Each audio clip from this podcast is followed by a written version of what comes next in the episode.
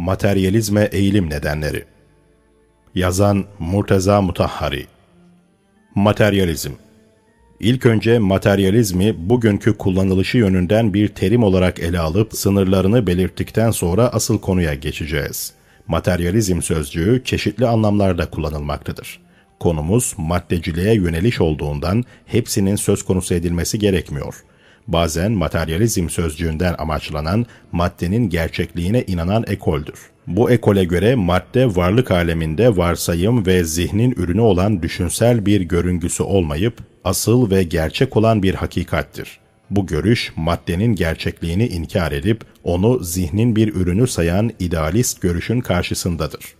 Eğer materyalizmi bu anlamda ele alacak olursak tüm Tanrı'ya inananları Müslüman olsun veya olmasın materyalist kabul etmemiz gerekir. Çünkü bunların hepsi zaman ve mekan içerisinde gerçekliğe sahip, gelişir, değişir, olgunlaşır, dokunulur ve algılanır olan maddeyi zihin ötesi, nesnel ve etkisi olan bir varlık olarak kabul ediyorlar. Bu anlamda materyalist olmanın tevhid ve Allah'a inanmayla çelişkisi yoktur. Aksine madde ve evren yaratılış birimi olarak Allah'ı tanımak için en iyi araçlardır. Allah'ın hikmetli iradesi bu maddi değişim akımında keşfolunur. Kur'an-ı Kerim maddi yaratıkları ilahi ayetler olarak anar. Materyalizm sözcüğü bazen madde ötesi varlıkların inkarı anlamında kullanılıyor. Yani varlık ve evren düzeninin maddenin inhisarında, tekelinde olduğuna inanan görüş.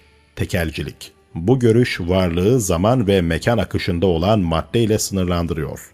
Değişip gelişmeyen ve beşerin duyuları dışında kalan her şeyi inkar ederek yok sayıyor. Şimdi bu tekelci akıma eğilim nedenleri üzerinde duralım. Neden bazı insanlar bu akıma kapıldı? Neden yaratıcının varlığını inkar ettiler? Madde dünyası dışında kalan varlıkları inkar ettiler. Acaba insan fıtraten maddeci midir? Yoksa Allah'a inanmaya mütemayil mi? Konuyu maddeciliğe yöneliş nedenleri nelerdir şeklinde ele almamız bizim yaratılış bakımından insanın maddeciliğe eğilimli olmadığını iddia ettiğimizi gösterir. Maddecilik insan fıtrat ve tabiatına aykırı olan bir şeydir. Bu yüzden onun nedenini ve kanuna aykırı olarak onu var eden sebebi araştırıp incelememiz gerekiyor. Daha açık bir ifadeyle Allah'a inanmak, sıhhat, maddeciliğe inanıp meyletmekse hastalıktır. Hiçbir zaman sıhhatin nedeni sorulmaz. Çünkü sıhhatli olmak, yaratılış düzeninin tabi akışına uygundur. Ama bir kimsenin ya da bir toplumun hasta olduğu görülürse, işte o zaman bunların neden hasta oldukları ve hastalık nedenleri sorulabilir. Bizim bu görüşümüz tarihçilerin dinler tarihi kitaplarında belirttiği görüşlere aykırıdır. Genellikle bu tür kitapların yazarları insanoğlunun neden dine yöneldiğini araştırırlar. Bize göre dine yöneliş araştırmayı gerektirmez. O fıtratın akışıdır. Aksine insanın dinsizliğe yöneliş nedenleri araştırılmalıdır. Ama şimdilik dine bağlı olmak mı yaratılışa uygundur yoksa dinsizlik mi ya da bunun tersi mi konusunu tartışmak istemiyoruz. Zaten asıl konumuz yönünden de bir zorunluluğu yoktur. Şimdilik konumuz şüpheyi kendileri için en son durak kabul eden birey veya gruplar üzerinedir. Bize göre materyalizm her ne kadar kendisini şüpheden uzak gösteriyorsa da şüpheci yani septik bir ekoldür. Kur'an-ı Kerim böyleleri hakkında onlar bazı zan ve şüphelere düşerler. Ama bunu amelde yakin yani kesinlik kazanmış ve ilim şeklinde gösterirler buyurmaktadır. Tarihi geçmiş. Bu inkarcı düşünce yeni bir şey değildir. Bu tür düşüncenin birçok bilimsel teorilerde olduğu gibi kökünün önceki yüzyıllarda olmayıp son 1-2 yüzyıldır ortaya çıktığını düşünmek insanı yanıltır. Çünkü maddeciliğe eğilim çok eski düşüncelerin bir ürünüdür. Felsefe tarihlerinde hatta Sokrates ve onun felsefi hareketi döneminden daha önceki eski Yunan filozoflarından birçoğunun madde ötesi varlığı inkar ettiklerini okuyoruz. Resulullah'ın bisetine yakın dönemde de cahiliye halkı arasında bu tür fikirleri taşıyan insanlar vardı. Kur'an-ı Kerim onlarla mücadele ediyor, görüşlerini naklederek tenkit ediyor. Hayat ancak bu dünyadaki hayatımızdır. Ölürüz ve yaşarız. Bizi ancak zamanın geçişi yokluğa sürükler derler. Casiye Suresi 24. Ayet İslamiyet devresinde materyalizm Dehr, doğa zaman anlamındadır. Yukarıda nakledilen ayeti kerimede geçen bu dehr kelimesi dolayısıyla asr-ı saadette Allah'ı inkar edenlere dehriler deniyordu. Çeşitli felsefi görüş ve kültürlerin İslam alemine girdiği İslam tarihinin Abbasiler döneminde dehri ve maddi düşüncelere sahip kişilerle karşılaşmaktayız. O dönemde bulunan ilmi, felsefi ve dini fikir özgürlüğü yüzünden ki elbette Abbasilerin siyasetine aykırı gelmeyecek şekilde bir grup insan maddeci ve inkarcı olarak tanınıyordu. Bunlar o zaman mevcut olan Müslüman ve tek Tanrı'ya inananlarla mücadele ediyorlar, tevhid inancına sahip kimselerin delillerini çürütmeye çalışıyorlardı. Kendi görüşlerini serbest olarak ortaya atıp tartışmalara katılan bu tür insanların bir kısmının isimleri tarih kitaplarında kayıtlıdır. Böyle düşüncelere sahip bir kısım insanda İmam Sadık zamanında Resulullah'ın meclisinde toplanarak bu konularda fikirler ileri sürüyorlardı. Tevhidi Mufazzal kitabı bu olay neticesinde yazılmıştır. Mufazzal İbni Ömer diyor ki, Resulullah mescidinde namaz kıldıktan sonra Peygamber Ekrem ve büyüklüğü hakkında düşünceye dalmıştım. O zamanın deyimiyle zındık olan Abdülkerim İbni Ebil Evca gelip biraz öteye oturdu. Daha sonra onunla aynı görüşte olan birisi daha geldi. Bu ikisi küfre varan sözler söylüyorlardı. Yani Allah'ı inkar ediyorlardı. Resulullah'ı da yüce yaratıcıdan vahiy alan bir Allah elçisi ve Resulü olarak değil, bir düşünür, büyük bir deha olarak anıyorlardı. O büyük bir dehaydı. Kendi fikirlerini halka kabul ettirebilmek için vahiy olarak sundu diyorlardı. Sonunda şöyle diyorlardı. Yoksa ne Allah vardır, ne vahiy vardır ve ne de kıyamet. Mufazzal onların bu sözlerini işittikten sonra fena şekilde rahatsız oldu. İmam Sadık'ın huzuruna gelip olayı olduğu gibi anlattı. İmam Mufazzal'ı sakinleştirerek, ben seni onlarla karşılaştığında onları susturabilecek derecede bilgiyle donatırım dedi. İmamın verdiği dersleri Mufazzal bir kitapta topladı ve böylece Tevhidi Mufazzal kitabı ortaya çıkmış oldu. Son asırlarda materyalizm Bilindiği gibi materyalizm 18. ve 19. yüzyıllarda bir felsefi ekol şeklini almaya başladı. Halbuki geçmişte böyle değildi. Bazı eski Yunan felsefe ekollerine materyalist düşünceye bağlı ekollerdi demek doğru olmaz. Felsefe tarihi yazarlarının çoğunluğu felsefe bilmediğinden herhangi bir filozofun madde ve zamanın kadim eksikliği üzerine söylediği bir sözü işittiklerinde bu düşüncenin Allah ve madde ötesi varlıkları inkar anlamına geldiğini zannetmişlerdir. Bizim nazarımızda son asırlardan önce bir materyalist felsefe ekolünün olduğu iddiası ispatlanamamıştır. Daha önceleri ister Yunan kökenli olsun ister olmasın felsefi ekoller arasında olsa olsa materyalizme bireysel eğilimler vardı. İşte bu çok kimsede materyalizmin bir ekol halinde ortaya çıkışının bilim ve bilimsel gelişmelerle doğrudan ilişkilidir kanaatinin doğmasına neden oldu. Elbette materyalistler kendileri materyalizmin 18. ve 19. asırlarda parlayan bilimsel teoriler sonucu gelişip yaygınlaştığını ve ilmin gelmesinin insanları bu ekole ittiğini iddia ederler ve başkalarını buna inandırmak için çaba harcarlar. Ama bu gerçekten de şakaya yaklaşan ciddiyetsiz bir tavırdır.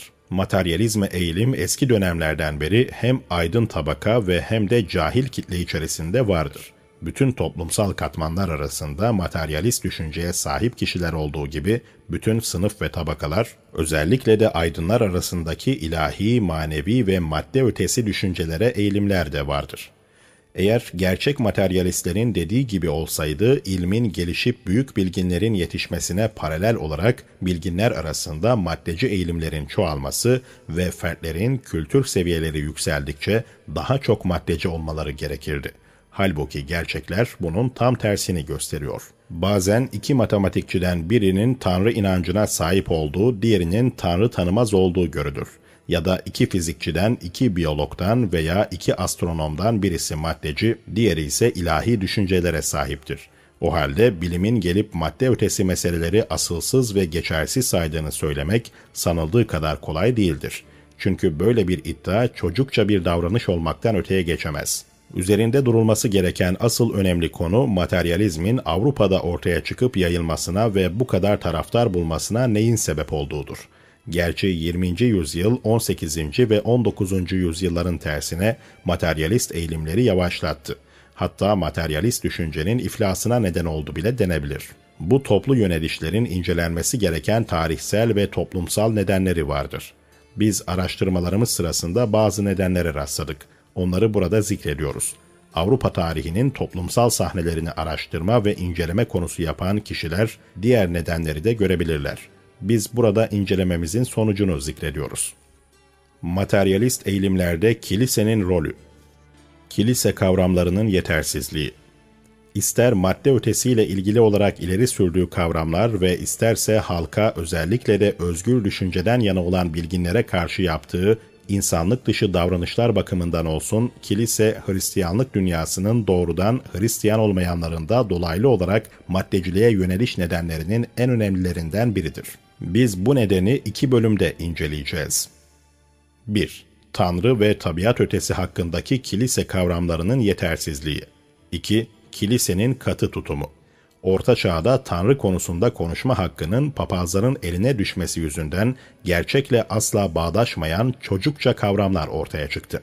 Tabii olarak bu durum özgür düşünceden yana olan bilginleri ikna edemediği gibi onları ilahi ekollerin tersine davranmaya itmiştir. Tanrı'nın insan şeklinde tasavvuru Kilise Tanrı'yı halka insan şeklinde tanıttı. Kilisenin etkisiyle Tanrı'yı çocukluktan insan şeklinde öğrenen Hristiyanlar, bilimsel olgunluğa erdikten sonra bunun akıl ve bilim ölçüleriyle çeliştiğini gördüler. Öte yandan madde ötesi sorunların akla uygun kavramlarının olabileceğini ve bu konuda kilisenin yanılmış olduğunu düşünebilecek kadar dikkat ve kavrama gücüne sahip olmayan sade halk, kilise kavramlarının bilimsel ölçülerle bağdaşmadığını görünce işi toptan reddetmeye götürdü çeşitli alanlarda uzman olan 40 bilginin yazdığı 40 makaleden oluşan Allah'ın varlığının ispatı adlı bir kitap vardır. Bu kitapta her bilgin uzman olduğu alanda yaptığı incelemesiyle Allah'ın varlığına delil getirmiş, aslı İngilizce olan bu kitap Farsçaya da tercüme edilmiştir.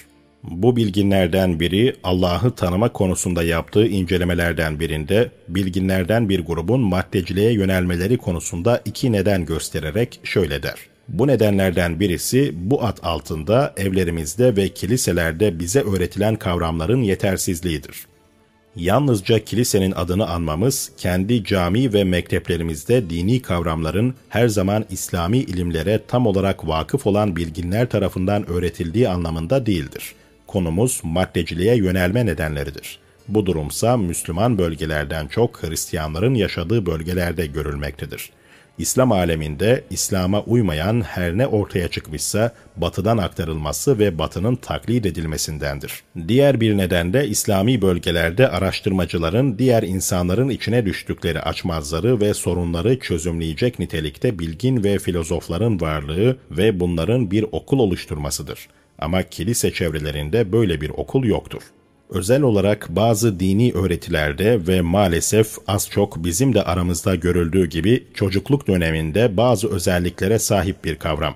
Tanrı adıyla çocuğa öğretiliyor.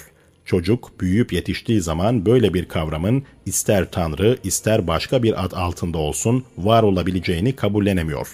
Artık bu kavramın doğru ve yanlışlığı üzerinde düşünme zahmetine bile katlanmadan ilahiyatı temelden inkar ediyor.''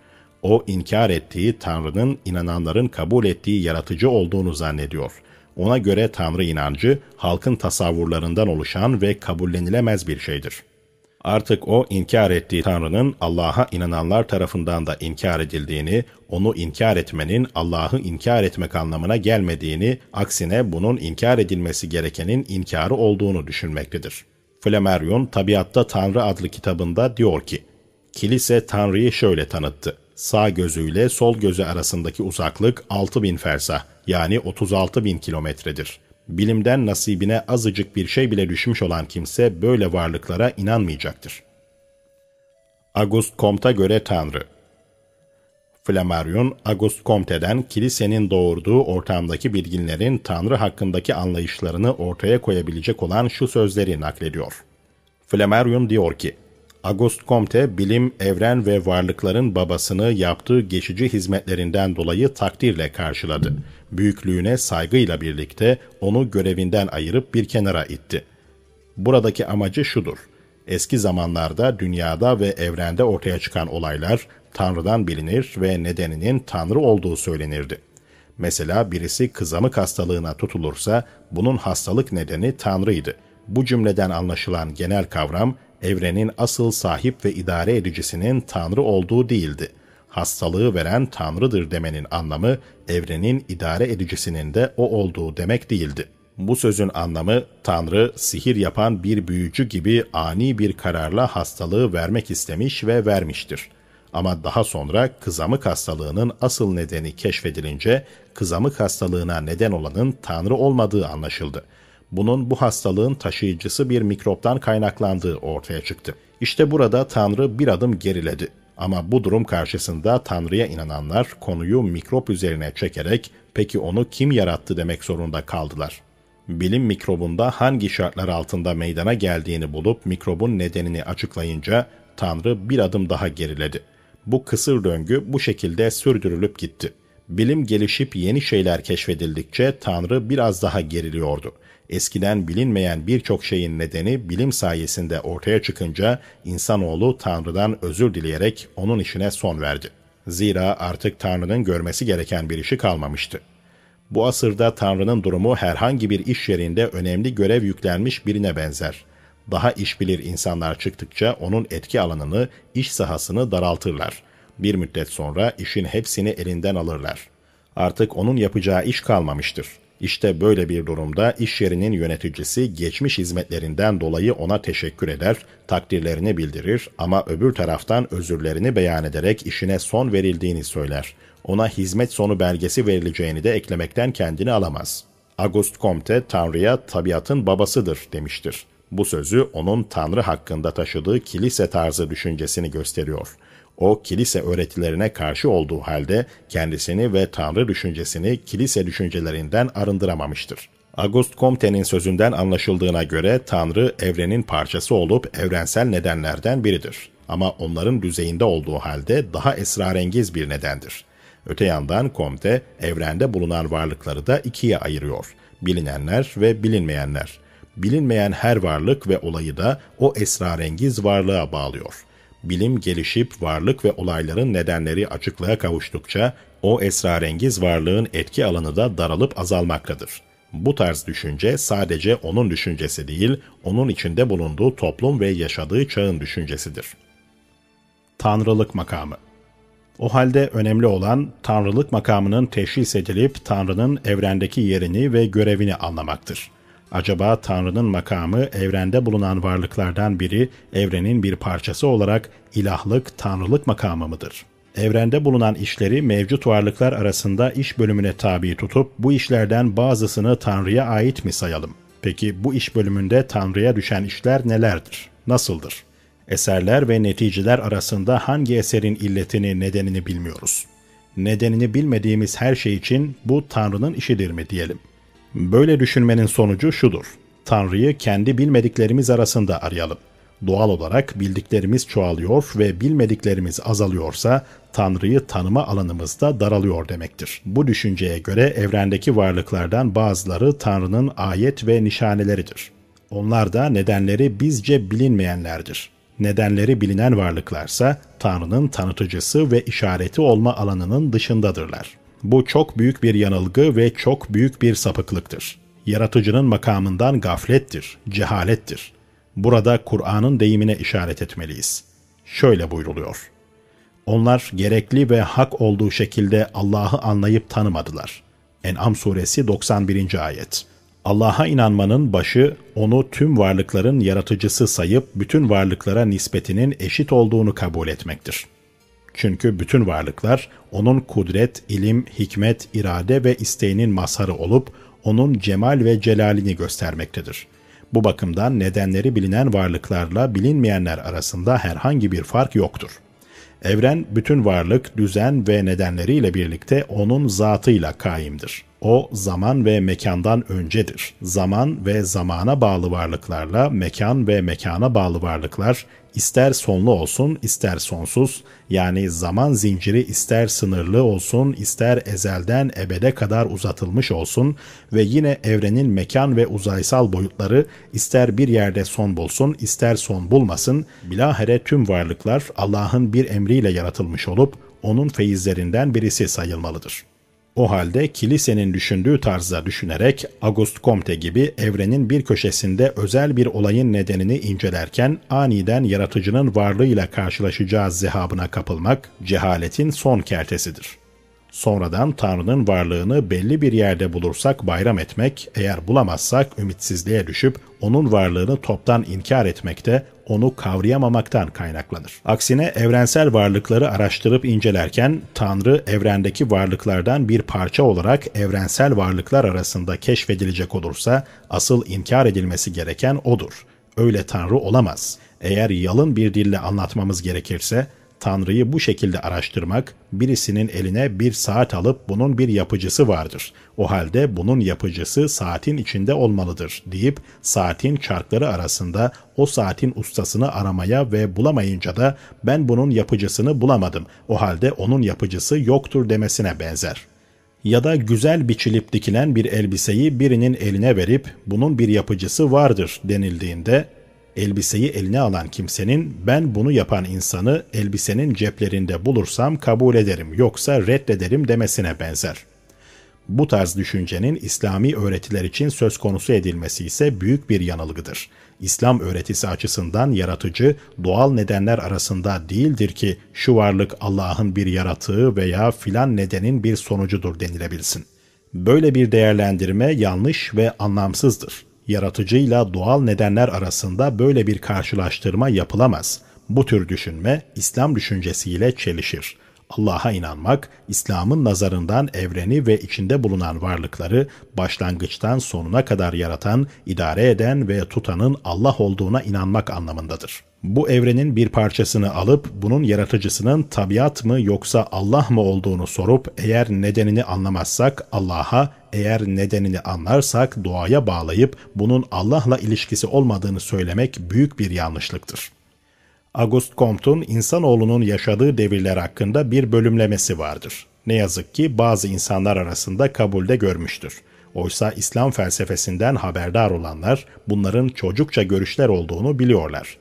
O diyor ki, insanlar üç dönemden geçmiştir. 1. Tanrısal dönem. Bu dönemde insan olayları madde ötesi güçlerle yorumladı. Her şeyi tanrı ve tanrılara bağladı. 2. Felsefi dönem. İnsan bu dönemde nedensellik ilkesini kavramıştı ama henüz eşyanın nedenini geniş olarak bilmiyordu. Nedensellik ilkesini bildiği için her olayın tabiatta bir nedeni olduğuna hükmediyordu. İnsan bu dönemde tabiatta bir gücün olduğunu anlamıştı. Onun için olayları etkileyen asıl gücün bu tabiattaki güçler olduğuna hükmediyordu. Bu dönemde genel ve felsefi düşünen insan yalnızca filan olayın bir nedeni vardır görüşünü ileri sürüyor ama bu nedenin ne olduğunu ve hangi özelliklere sahip olduğu konusunda susuyor, bir cevap veremiyordu. 3. Bilimsel dönem. Bu devrede insan tabiatta bulunan eşyanın nedenini geniş olarak biliyor. İnsanoğlu artık genel ve felsefi düşüncelerden yüz çevirip deneysel ve olayları tanıma yöntemine yönelerek bir nesne ile başka bir nesne arasında nedensellik ilişkisi olduğunu keşfetti. Nesnelerin zincirleme ilişkilerle birbirlerine bağlandıklarını anladı. Bilim de bu yöntemi kabullenmektedir. Bu yüzden bu dönemi bilimsel dönem diye adlandırıyoruz. Auguste Comte'un ileri sürdüğü bu üç dönem görüşünün normal halk tabakaları arasında söz konusu edilmesi mümkün olabilir. O dönemlerde halk herhangi bir hastalığın nedeni olarak cin ve dev gibi görünmez varlıkları gösteriyorlardı. Hatta şimdi bile Avrupa'nın okumuş, tahsil yapmış bazı tabakaları arasında bu görüşte insanlar vardır. Başka dönemlerde de hastayı kuşatan ve hastalığa neden olan şeylerin tabii düzenlerden kaynaklandığını kabul ediyorlardı. Yani kısacası hastalıkları tabiattan gelen bazı tesirlere bağlıyorlardı tıbbı tanımayan, tıpla ilgili bir şey okumayan ve bazı tabiat güçlerine inancı olan kimselerin düşünceleri bu türdendir.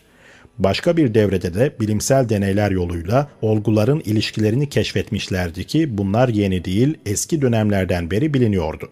Ama yeni dönemde olguları tanıma ve nedenlerini bulma işi eskiye oranla daha da artmıştır.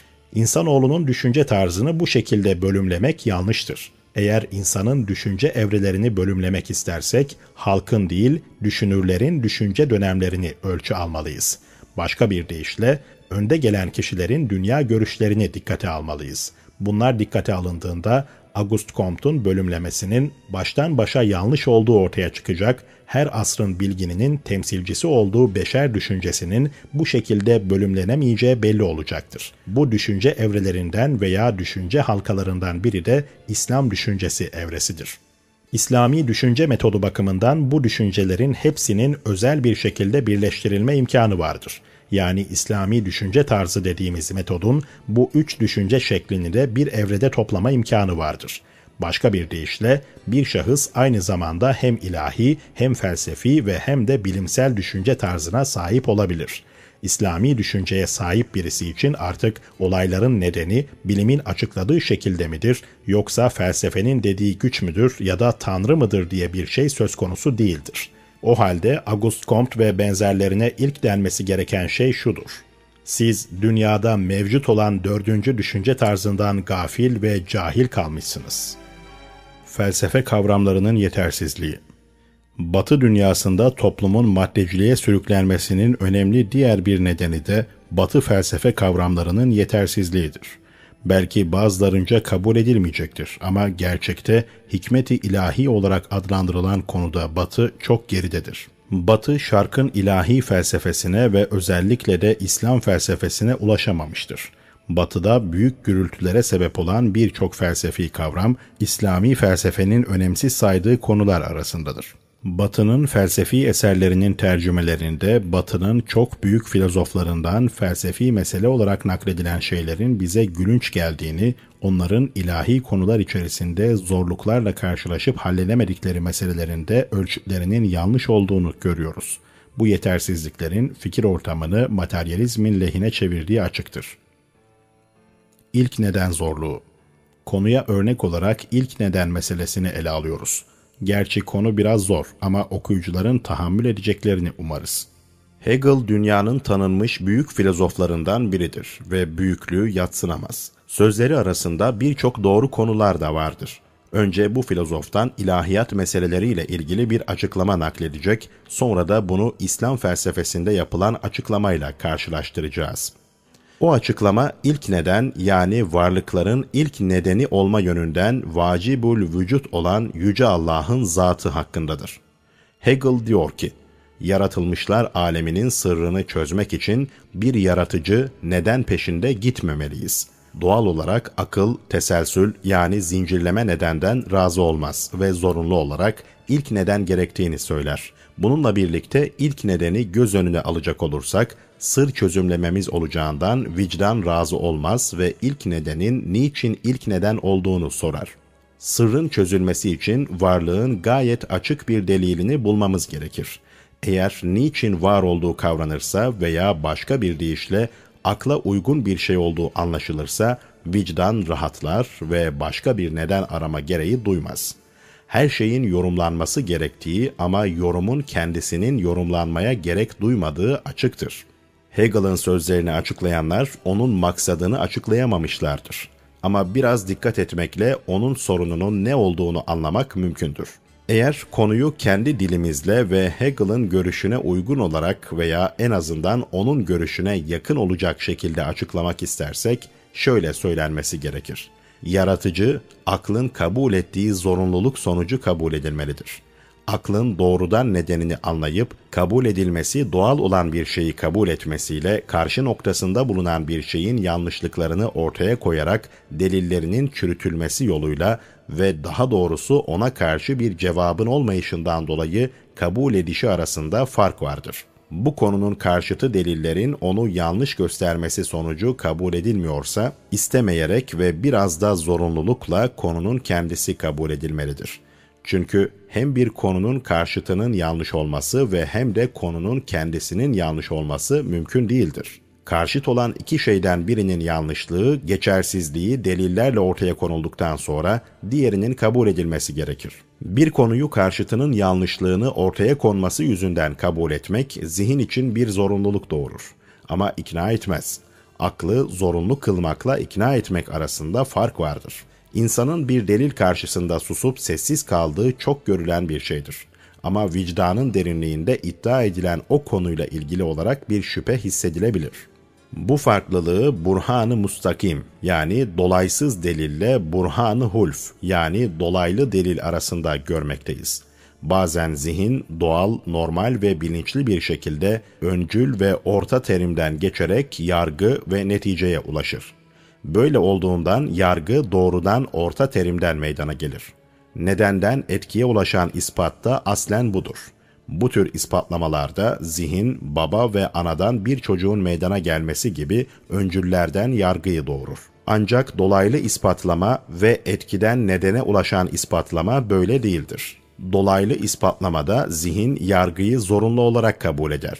Zihnin hali zorlu bir güç karşısında kalıp ondan da kurtulamayınca kabul etmek zorunda kalıp reddedemeyen insanın hali gibidir. Bu tür buhranlarda iki ihtimalden yani karşıt iki kutuptan biri delille çürütüldüğünden zihin diğer tarafı kabullenmek zorunda kalır. Kabul edilen taraf karşıtının delillerle reddedilmesi sonucu zihin tarafından kabul edilmiştir. Çünkü iki taraftan birinin kabullenilmesi gerekir. Her iki tarafın birden reddedilmesi mümkün değildir. Çünkü bu iki tarafında yok olmasını gerektirir. Bu da imkansızdır. Hegel demek istiyor ki, ilk neden peşinde gidip onu kabul etmemiz dolaylı yoldandır. Zihin doğrudan doğruya değil, zincirlemeden kaçmak için ilk nedeni kabul ediyor. Diğer taraftan teselsül yani zincirlemeyi kabul etmediği gibi diğer nedenlerle ilk neden arasındaki farkı da anlayamıyor. Onların nedenlere ihtiyacı vardır ama ilk nedenin başka bir nedene ihtiyacı yoktur veya kendi deyişiyle ilk nedenin neden ilk neden olduğu anlaşılamamaktadır. Ama bir yön ve amaç peşinde gidecek olursak öyle bir yön ve amaca ulaşırız ki onun yön ve amaç oluşu zatının aynıdır ve başka bir yön ve amaca da ihtiyacı yoktur. Hegel'ın ilk neden konusunda söylediği şeylerin benzerini Kant ve Spencer de söylemişlerdir. Spencer diyor ki, Asıl güçlük insan aklının bir yandan her şeye bir neden araması, diğer yandan devir ve teselsülü yani zincirlemeyi muhal sayarak ondan kaçınmasındandır. Nedensiz ne bulabiliyor ve ne de anlıyor. Papaz çocuğa dünyayı Allah yaratmıştır dediğinde çocuk soruyor. Allah'ı kim yaratmıştır? Bunların benzeri ve bunlardan daha temelsiz olan Sartre'nin bu konuda söyledikleridir. O, Paul Feuille'nin nakline göre ilk neden konusunda şöyle söylemektedir. Bir varlığın kendisinin yine kendisine neden olması bir çelişkidir. Paul Feuille, Sartre'nin sözlerini açıklarken şöyle diyor. Sartre'nin açıklamadığı adı geçen burhan genellikle böyle sunulur. Kendimizin varlık temelini kendimiz attığımızı iddia edersek, varlığınızdan önce var olduğunuza da inanmamız gerekir. İşte bu apaçık bir çelişkidir.'' Şimdi felsefi yönden ilk neden teorisinin nasıl olduğunu görelim. Acaba Paul Sartre ve benzerlerinin varsayımı gibi midir? Yani bu varlığın kendi varlık nedeni olması, başka bir deyişle kendi varlık temelini kendisi atması mıdır? Bunun gereği bir şeyin kendisi hem kendisinin nedeni ve hem kendisinin etkisi olmasıdır. Ya da ilk nedenin anlamı Kant, Hegel ve Spencer'ın söyledikleridir. Yani nedensellik kanunundan istisna olan bir varlıktır. Buna göre bütün varlıkların bir nedene ihtiyacı vardır ve nedensiz olmaları imkansızdır. Ama istisna olan ilk neden böyle değildir. Bizim ilk nedeni kabul etmemizi zorunlu kılan teselsülün muhal oluşu bir şeyin kendi varlığının nedeni oluşuna inanmaya mı zorluyor? Acaba zihnimiz olması mümkün olmayan bir şeyi kabulden kaçınmak için başka bir olması mümkün olmayanı mı kabul ediyor? Niçin? Eğer zihin muhal olanı kabul etmemeli ise hiçbir muhali kabul etmez. Niye bunlarda istisna gözetsin? Sartre'nin düşüncesine göre ilk neden de diğer şeyler gibi nedene muhtaçtır. Ama kendisinin bu ihtiyacını yine kendisi karşılıyor. Ama Kant, Hegel ve Spencer'ın düşündüklerine göre varlıkları akıl açısından birbirine benzer kabul edip teselsül yani zincirlemeden kurtulmak için birini istisna sayarak bütün varlıklar bir nedene muhtaçtır. Yalnız birisi istisna ki bu istisna olan da ilk nedendir dememiz gerekir. Ama ilk nedenle diğer varlıklar arasındaki fark nedir ki bütün varlıklar bir nedene muhtaçken ilk neden nedene muhtaç değil sorusunun bunlara göre cevabı şudur. Akıl açısından hiçbir fark yoktur. Yalnızca zincirlemeden kurtulmak içindir. Bu yüzden bunlardan birisini nedene muhtaç değildir diye kabul ediyoruz. Bu varsayımda nedenin nedene muhtaç olduğunu ama ilk nedenin bu ihtiyacını kendisi karşıladığını, ilk nedenin kendisini ortaya getirecek başka bir nedene muhtaç olmadığı kabul edilmiştir. Yani ilk neden bu yüzden kurallardan istisnadır. Ama niçin muhtaç değildir? Niye müstesnadır? Belli değil demek istemişlerdir. İlk varsayım çok çocukça yapılmıştır. Allah için bu türlü bir varsayımı ne bir filozof, ne kendini filozof sanan ve ne de halktan birisi yapar. Biraz da ikinci görüş üzerinde duralım. Dolayısıyla onun iç yüzünü ortaya koymuş olalım. Bize göre Kant, Hegel, Spencer ve benzerlerinin ilk neden hakkındaki şüphe ve tereddütleri iki temel felsefi konudan kaynaklanmaktadır. Bunların hiçbirisi de Batı felsefesi tarafından çözümlenmemiştir. O iki esas meseleden biri asaleti vücut yani varlığın temel oluşu, diğeri ise nedene ihtiyacın gereğidir. Biz burada mahiyetin veya bunun karşıtı olan varlığın temel oluşu konusunu tartışmayacağız. Ama şu kadar açıklamada bulunmamız gerekiyor ki mahiyetin temel oluşunu kabul edenler ilkel bir görüş olarak Allah'ı diğer varlıklar gibi mahiyet ve vücut yani varlık sahibi zannedebilirler. O zaman niçin her mahiyet sahibi bir neden isterken Allah'ın mahiyeti neden istemiyor? Niçin bir özün varlığı zorunlu varlıktır ve diğerleri mümkün varlıktırlar? Oysa bütün özler varlıkları kendilerine arız olan mahiyetler değil midirler gibi sorular sorulabilir. Ancak mahiyeti temel sayanlar bile Allah'ın diğer varlıklara benzemediğini ve onun mahiyetinin olmadığını, sırf varlık olduğunu söylüyorlar. Varlığın temel oluşu görüşüne göre ki onu ileri süren, felsefi açıdan deliller ikame edip ispatlayan Sadrül Müteellihin Şirazi'dir, insanın bakış açısı değişmektedir. Birinci görüşe göre bizim eşya hakkındaki düşüncemiz eşyanın mahiyeti kendi kendine varlık olmadığı için bir başka varlığın gelip ona varlık eklemesi gerekir. İşte biz o başka varlığa neden diyoruz. Ama varlığın temel oluşu görüşüne göre nesnenin gerçek özü onların varoluşu ve varlıktan olan paylarıdır. Varlıksa bir başka şeyin gelip ona varlık bağışlaması gereken bir şey değildir. Eğer bir dış nedenin nesneye bir şey vermesi gerekirse o şey o nesnenin kendisidir. Varlığın özü ve aslı olup o nesneye arız olan ve ilave edilmiş bir şey değildir.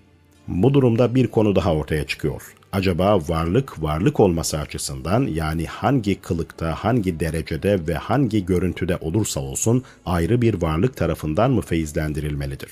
Bu konunun gereği de şudur. Varlık, varlık olduğu için feyiz, bağlılık, ilgilenme vesaire olma ve ikincil olmaya ve ister istemez sınırlı olmaya mı tabidir, yoksa başka türlü müdür? Cevap şudur. Varlık hakikati çeşitli görüntü ve rütbelere sahip olmakla birlikte bir hakikatten başka bir şey değildir ve asla başka bir şeye ihtiyacı gerektirmez. Zira varlıkta ihtiyaç, önceleri mahiyette varsayılan ihtiyacın tersine varlık ihtiyacın kendisidir anlamındadır. Eğer ihtiyaç varlığın kendisi olursa kendisinden başka bir hakikatle ilgili ve ona bağlı olması gerekir. Oysa varlık için gayr ve öte düşünülemez. Varlıktan gayrısı yokluktur ve mahiyettir ki o da itibaridir ve yokluğun kardeşidir. Varlığın hakikati, varlık hakikati olması yönünden istiklal, başkasına ihtiyaç duymama ve bağlantısızlığı gerektiriyor. Yine mutlaklık ve sınırsızlığı yani hiçbir şekilde yokluğun onda yeri olmamasını da gerektiriyor. İhtiyaç, bağımlılık, ayrıca sınırlılık ve yoklukla beraber olmak varlığın mutlaklığından başka bir yönden doğar. İkincil ve etkin oluştan kaynaklanır. Varlık, varlık olduğu için diğer hiçbir yönü göz önüne alınmadığından nedenden bağımsız olduğu ve nedene ihtiyaç duymadığı ortaya çıkar. Ama nedene ihtiyaç duymak, başka bir deyimle varlık nedene, varlığın hakikatin aynısı olmadığı bir aşama ve derece olduğundan ihtiyaç duyar ve bu şekilde Allah'ın zatından bir feyiz olarak ortaya çıkar. Feyzin gereği ise ikincil bir ihtiyaç sahibi olmaktır. Belki de gerçekte onların kendisinden başka bir şey değildir. Buradan anlaşılıyor ki varlığın temel oluşu görüşüne göre akıl gözünü varlığın hakikatine dikersek orada evveliyet yani ilkliği, ihtiyaçsızlığı göreceğiz. Başka bir deyişle varlığın hakikati kendi kendine var olmak ve zorunlu olmakla eşittir. Hegel'ın da hoşuna gidecek bir deyişle varlık hakikatinin akla uygun yönü nedene ihtiyaç duymayışıdır. Nedene ihtiyaç duymak, varlığın hakikatine ilave edilen bir itibardan kaynaklanmaktadır. O da ikincil olma ve sınırlılıktan kaynaklanır. Başka bir deyişle nedene ihtiyaç duyma hakiki varlıktan değil, varlığın ikincil mertebesinden kaynaklanır. Daha uygun bir deyişle veya Hegel'ın deyişiyle nedene ihtiyaç duyma varlığın gayri makul yönüdür. İşte bu yüzden deniliyor ki sıddıkler her bağlılık ve fazlalıktan uzak olarak varlığa, varlığın hakikatine baktıkları için ilk olarak keşfettikleri şey zatı vacibül vücut yani zorunlu varlık ve ilk nedendir. Zorunlu varlığın zatından salt varlık olmayıp varlıkları sınırlı olan ve yoklukla iç içe bulunan eser ve etkilerine delil getirirler. Bunun anlamı şudur. Bu mantıkla hiçbir şey hakkın zatını ispat için araç değildir. Allah'ın zatı kendi varlığına şahittir. Allah adaleti ayakta tutarak gerçekten kendisinden başka ilah olmadığına şehadet etmiştir. Melekler ve ilim sahipleri de. Ali İmran Suresi 18. Ayet Buradan ilk nedeni kabul etmek çelişkiyi gerektirir. Çünkü bu düşünceye göre bir şey kendi vücut temelini atan ve kendisinden önce var olan olacaktır gibi sözlerin ne kadar saçma olduğu ortaya çıkar. Ayrıca faraza her şeyin ilk nedenden vücuda geldiğini ispat ettik. O zaman ilk nedeni kim ortaya getirmiştir diye bir soru oluşur. İlk neden delilsiz bir istisnadır diyenlerin sözleri de boş sözlerdir.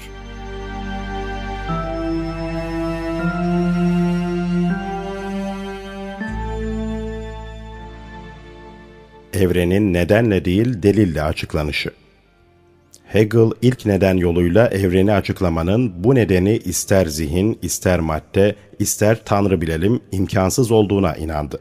Çünkü ilk nedenin kendisi açıklanamamaktadır. O zaman evreni açıklamak için başka bir yol tutulmalıdır. O ilk önce açıklamanın ne olduğunu görmeliyiz dedi. Genelde bir şeyin nedeni keşfedilip bildirilmişse açıklandı deriz. Eğer o şeyin nedeni belirtilmemişse o şeyin açıklanmadığını kabul ederiz. Ama evreni bu şekilde açıklayamayız. Eğer evrenin nedeni olduğu kabul edilirse o zaman o neden ya kendisinden önce var olan bir nedenin etkisidir ya da başka bir şeydir. Ya nedenler zinciri sonsuza kadar gider ya da bir yere ulaşır ki kendisinden önceki hiçbir şeyin nedeninin etkisi olmayan ilk neden veya nedenler nedeni bulunur. Eğer bu nedenler zinciri sona ermez de sonsuza kadar devam ederse amaç ve son açıklama yapılmayacaktır. Eğer ilk nedene gelir dayanırsak bu sefer de ilk nedenin kendisi açıklanamayacaktır. Kendisi meçhul olan bir şeyin yardımıyla evreni açıklamak kuşkusuz hiçbir güçlüğü çözümlemeyecektir. Hegel daha sonra nedensellik ilkesi yalnızca evreni açıklamaktan değil, cüz'i işleri bile açıklamaktan acizdir diyor. Çünkü bir şeyi açıklamak o şeyle başka bir şey arasında bulunan mantıksal ilişkiyi açıklamaktır. Eğer mantıksal olarak bir şey bir şeyden sonuçlandırılırsa o şey aracılığıyla açıklanmış olur. Örneğin A açısının B açısıyla eşit olduğunu, B açısının da tekrar C açısıyla eşit olduğunu bildiğimiz zaman mantıksal olarak A açısıyla C açısının da eşit olduğu sonucunu çıkarıyoruz. Zihin zorunlu olarak bunun böyle olduğunu kavrar. Başka türlü de yapamaz. Yani böyle olmaması muhaldir. A açısıyla C açısının eşit olması iki öncülün yardımıyla açıklanmıştır. O iki öncül A açısıyla C açısının eşit olmasının delilidir. Nedeni değil. Ama nedensellik ilkesi bir şeyi açıklamaz. Nedensellik yalnızca bir varlıksal önermeyi açıklıyor. Zorunlu önermeyi değil. Çünkü nedensellik akılla açıklanmaz. Tecrübeyle elde edilir. Suyun kaynama noktasından sonra buhar, donma noktasından aşağıda ise buz olduğunu tecrübeyle biliyoruz. Bu yüzden sıcak suyun buharlaşmasının ve soğuksa suyun donmasının nedenidir. Ama bizim zihnimiz bunun zorunlu ve mantıksal olarak böyle olması gerektiğine hükmetmiyor. Faraza biz tecrübeyle bunun tersini görseydik, yani devamlı olarak suyun sıcakta donduğunu, soğukta buharlaştığını öğrenseydik, zihnimiz açısından farkı olmazdı. Bu varsayım zihin açısından önceki örnekte belirttiğimiz A açısının C açısına eşit olmaması varsayımının muhal olmasının tersine muhal değildir. Nedensellik, nedenin, neden ve etkinin mantıksal olarak etki olması gerektiğini açıklamıyor. Bu yüzden evreni neden yoluyla değil, delil yoluyla açıklamamız gerekir. Delille nedenin farkı şudur. Delil olduğu şeyden bağımsız ve ayrı bir varlığı olmayan delilin tersine neden etkiden ayrı ve bağımsız bir varlığa sahiptir. Örneğin A açısının B açısına, B açısının da C açısına eşit olması A açısının C açısına eşit olduğunun delilidir. Ama bu delillerin delil olduğu şeyden ayrı ve bağımsız bir varlıkları yoktur. Ama nedenler etkilerinden ayrı ve bağımsız bir varlığa sahiptir. Obje ve subje birliği Hegel daha sonra varlık ve bilgi birliği ilkesi veya obje ve subje birliği ilkesi veya akıl ve dış dünya birliği ilkesi diye ifade olunan diğer bir ilkeye daha değinmektedir. O ikilik aynı obje ve subje çemberini yıkmaya çalışıyor. Hegel'a göre subje ve obje birbirlerinden bağımsız iki ayrı gerçek değildirler. Yani birbirleri karşısında yer alan tamamen farklı iki şey gibi değillerdir. Her ikisi birdir. Çünkü bir gerçeğin iki ayrı yüzüdür. Bu hükmü kabul etmenin hikmeti şudur. Eğer onu kabul etmezsek bilginin nasıl mümkün olduğu meselesi zahiren izah edilemez olacaktır. Hegel bu iki ilkeyle esas olarak kendi felsefesini kurar. O kendi hayaline göre ilk delil saydığı varlıktan başlıyor. Varlıktan yokluğu çıkararak ondan da hareket kavramı olan olmaya ulaşıyor ve bu şekilde kendi diyalektik görüşünü sürdürüyor. Biz burada İslam felsefesi açısından çok çekici bir hikaye olmasına rağmen Hegel felsefesinin eleştirisini yaparak onun yanılgılarını ortaya koyacak değiliz. Yalnız şu kadarına işaret etmekle yetinelim. Sıddıklerin özel deliline ve varlığın temel oluşu felsefesine göre Hegel'ın neden ile delil arasında farz ettiği bu farklılık suyun üzerine çizilmiş resim gibi temelsiz ve kof bir fikirdir. Bu felsefeye göre ilk nedenin kendisi hem nedene ihtiyaç duymaz, kendi kendine yeterlidir, hem de delile ihtiyaç duymaz, kendi kendine ortaya çıkar. Hem her şeyin nedenidir, hem de her şeyin delili ve açıklayıcısıdır.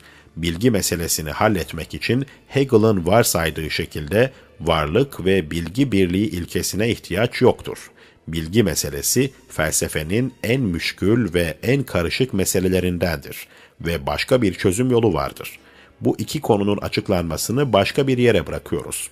Varlığın temel oluşu ilkesine göre ilk nedenin niçin ilk neden olduğu sorusunun kökten anlamsız olduğunu açıkladık. Hatta bu soruyu mahiyetin temel oluşu görüşüne göre ele alsak yine bu sorunun gereği ve anlamı yoktur. Bu soru bizim vacibul vücudun zatını da diğer varlıklar gibi bir mahiyete sahiptir ve varlık o mahiyete arız olmuştur diye kabul etmemiz halinde ortaya atılabilir. Ama böyle bir varsayıma bağlanmayı gerektirecek bir şey yoktur.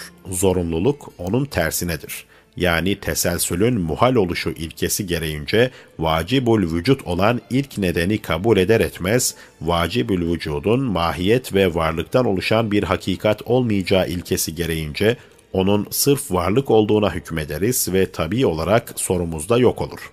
Bu istidlal mahiyetin temel oluşu ilkesine göre de tam bir istidlaldir. İbn Sina gibi kişiler de bu yoldan gitmişlerdir. Eğer bir soru kalmışsa başka bir yerdedir ve o da şudur.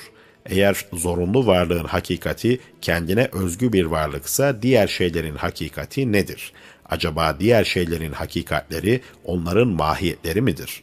O zaman onlarda varlık itibari olur ve sonunda varlık aleminde iki hakikat ortaya çıkar. Ya da diğer varlıklarda hakikat onların asıl varlıktan aldıkları pay mıdır? Bu sorunun doğru cevabı ikinci şıktır yani varlığın temel oluşu ilkesidir. Elbette İbn Sina ve benzerleri varlığın temel oluşu ilkesini inkar etmiyorlardı. Onların zamanında varlık ve mahiyet meselesi ne filozoflar arasında ve ne de filozoflar dışında açıklığa kavuşturulmuştu. İbn Sina'nın açıklamalarına yöneltilen bu soru o zamanlar açıklığa kavuşmamış bir meseleye ait olduğundan onun açıklamalarına bir tenkit sayılamaz. Sonunda varlığın temel oluşu ilkesine göz yumsak bile Kant, Hegel ve Spencer'ın yaptığı bu tenkit doğru bir tenkit değildir. Şimdi ise etkinin nedene olan ihtiyacının ölçüsü nedir sorusu üzerinde durmak istiyoruz. Nesnelerin nedenlere olan ihtiyaçlarının kökü İlliyet yani nedensellik kanunu Yani nesnelerin birbirleriyle neden ve etki ilişkileri beşerin kesin bilgilerindendir. Etkinin nedenle olan bağ ve ilişkisi zahiri bir şey olmayıp etkinin gerçekliğine derin bir nüfuzu vardır. Yani etki tam gerçekliğiyle nedenine bağlıdır. Eğer nedenin gerçekliği olmasaydı etkinin gerçeklik kazanması muhal olurdu. Beşeri ilimler bu kanun üzerine bina edilmiştir. Biz bu kanundan kaçınmanın varlıkta bulunan her çeşit düzeni reddetmekle eşit olduğunu, felsefi, mantıki, ilmi ve matematiksel her kanunu reddetmek olduğunu kendi yerinde ispatladık. Burada bu kanun üzerinde daha fazla durmayı gerekli görmüyoruz. İslam filozofları bu arada nedensellik kanununa önceliği olan bir konuyu daha ortaya atıp açıklamışlardır. O da nedene ihtiyacın ölçüsü nedir sorusudur. Buna göre her konuda örneğin A'nın B'ye neden oluşunda iki soru ortaya çıkmaktadır. Birincisi B niçin var oldu? Cevap A'nın varoluşu B'nin varoluşunu gerektirdi. Eğer A mevcut olmasaydı B de mevcut olmazdı. Yani A'nın varoluşu bu sorunun cevabıdır. Sel esnasında yıkılan bir ev düşünelim. Birisi geliyor ve bizden bu ev niçin yıkıldı diye soruyor. Biz de cevabımızda çünkü sel geldi diyoruz. Sıra B, A'ya neden ihtiyaç duyar? A olmadan niçin ortaya çıkamaz sorusuna gelir. Bu sorunun cevabının A'nın varlığı böyle gerektirdiği olamayacağı açıktır. Bu yüzden bu soru için başka bir cevap araştırmamız gerekecektir. Birinci sorunun cevabı insanların tecrübe ve deneyimlerinden oluşan bilgiyle verilebilir. Çünkü ilmin işi nesneler arasında bulunan neden-etki ilişkisini ortaya koymaktır. O halde bizden B'nin nedeni nedir diye sorsalar, biz yine ilmin yardımıyla B'nin nedeninin A olduğunu söyleyeceğiz. Ama B niçin A'ya muhtaçtır? Niçin A'dan ve diğer nedenlerden bağımsız ve mustakil değildir sorularının cevabı ise ilmin sahası dışındadır analiz, sentez, deney, tecrübe ve laboratuvar yöntemleriyle bu soruya cevap vermenin imkanı yoktur. İşte burada felsefi inceleme ve ayrıştırmaların dakik ilmi hesapların gereği ortaya çıkar. Soru konusu objektif olgular olmadığı ve ilmin işi de olguları tanımak olduğundan cevap vermekten acizdir. Etkinin nedene ihtiyacı aynı zamanda inkar edilemez bir gerçektir. Neden ve etkiden ayrı bir olgu değil dışarıda üç olgumuz yoktur. Yani biri neden, ikincisi etki ve üçüncüsü etkinin nedene ihtiyacı. Felsefe ise gerçeklerin derinliğine nüfuz ve bu tür ilişkileri keşfetme gücüne sahiptir. Bu tür sorulara cevap verme konusunda da yetkilidir.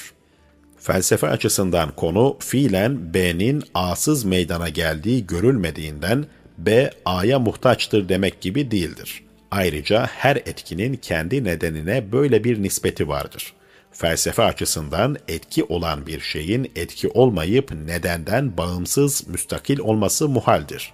Etkinin nedene bağlılığı, etkinin gerçeğinden ayrılması mümkün değildir ve etkinin gerçeğiyle aynıdır. Bu yüzden felsefe, A'nın B'ye olan özel etkisine bakmaksızın, etkinin nedene ihtiyacı ve nedenle etki arasındaki ilişkilerin köklerinin nerede olduğu konusunu ortaya atar.'' Acaba nesneler nesne oldukları veya var oldukları için mi nedene ihtiyaç duyarlar? Yani ihtiyaç duymalarının ölçüsü varoluşları ve nesne oluşları mıdır? O halde her nesne ve her mevcut, nesne ve mevcut oluşları yüzünden bir nedene bağlanmalıdırlar. Ya da bağlılık ve ihtiyaç duymalarının ölçüsü yalnızca nesne ve mevcut olmaları değildir bir şeyin yalnızca nesne ve mevcut olması bir şeyin ölçüsü olması gerekiyorsa kaide olarak özgürlük ölçüsü olması gerek. Bağımlılık ve muhtaç olma ölçüsü değil. İhtiyaç ve bağımlılığa ölçü olan şey var olma ve nesnellikte bulunan eksikliktir. Var olma ve nesnellikte bulunan kemal bağımlılığın ölçüsü değildir.'' İslam filozofları ve kelamcılar bu konunun başlatıcıları olarak mevcut var olduğundan dolayı bağımlıdır gerekçesiyle bağımlılık ve ihtiyacın ölçüsünü sırf mevcut ve nesne olmaktan ileri geldiğini hiçbir zaman varsaymadılar. Bu bağımlılık ve ihtiyacın nesnelerin eksiklik ve yokluğuna dönecek olan ayrı bir yön ve kökten kaynaklanması gerektiğine inandılar. Bu konuda üç görüş ortaya atıldı. 1. Kelamcıların görüşü Kelamcıların etkilerin nedenlere bağlılık ve ihtiyaç ölçüsünü ve onların bağımsız olmayışlarını, hudüs yani var olmadan önce yok oluşlarını, ezelden beri olmayışları bildiler. Bir şeyin nedene ihtiyaç duymayışının kökünü kıdem yani başlangıçsızlık ve varlığın sürekli varoluşu bildiler.'' Kelamcılar var olan şeyin vücudu yokluktan sonra olmuşsa, yokluk onun varlığından önce ise veya bir başka ifadeyle eğer bir varlık bir zaman yoktu ve ondan sonraki zamanda var olduysa böyle bir varlık kendisini var edecek bir nedene ihtiyaç duyar diyorlar. Bu varlığın var olmasına bir neden olduğu için onun varlığı da başka bir varlığa bağımlı olacaktır ama yok olduğu hiçbir zaman dilimi olmayan ve sürekli var olan bir varlık varsayılırsa, böyle bir varlık müstakildir ve nedene ihtiyaç duymaz. Hiçbir surette de kendinden başkasına bağımlı olmaz.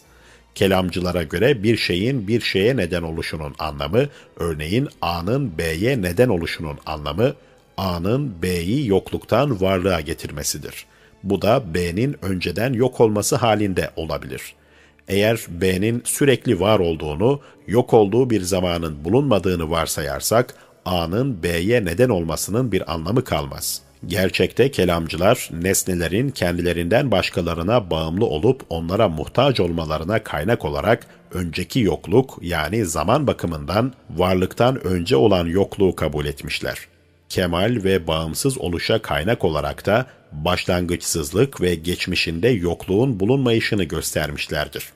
Bu yüzden kelamcılara göre varlıklar ya eksik, muhtaç, sonradan var olma ve başkasına bağımlı ya da ihtiyaçsız, kamil, kadim, başlangıçsız ve başkasından bağımsızdırlar. 2. ibn Sina ve çağdaşlarının Sadrul Müteellihine kadar geçen devredeki eski İslam filozoflarının görüşü. Bu felsefeciler, kelamcıların kıdem ve hudüsü başka bir şeye bağımlılık, ihtiyaç duyma ve eksikliğin ölçüsü sayan görüşlerini esaslı olarak eleştirmişlerdir. Ama şimdi onlar üzerinde durmayacağız. Filozoflara göre de sonradan olan her şey bir nedene muhtaçtır. Ama sonradan olanın ihtiyaç ölçüsü sonradan olması değildir. Başka bir şeydir. Yani filozoflar başlangıçsız oluşta hiçbir durumda bağımsızlık, kemal ve ihtiyaçsızlığın ölçüsü olamaz diyorlar. Filozoflar, nesnelerin ihtiyaçsızlık ve ihtiyaç, kemal ve eksiklik ölçüsünün hudüs yani sonradan olma olarak adlandırılan öncelerinin yokluk oluşuyla kıdem olarak adlandırılan varlıklarının başlangıçsız oluşlarında değil, onların varlık ve mahiyet derecelerinde aramak gerektiğini söylüyorlar. Nesneler varlık açısından mahiyetlerinde iki çeşittirler ya da en azından iki çeşit varsayılırlar. Birincisi varlık onların özlerinin aynıdır. Yani varlığı mahiyetinden farklı değildir. Başka bir deyişle onların varlık ve mahiyetleri aynıdır. İkincisi mahiyeti varlık ve yokluğundan farklı olan nesneler.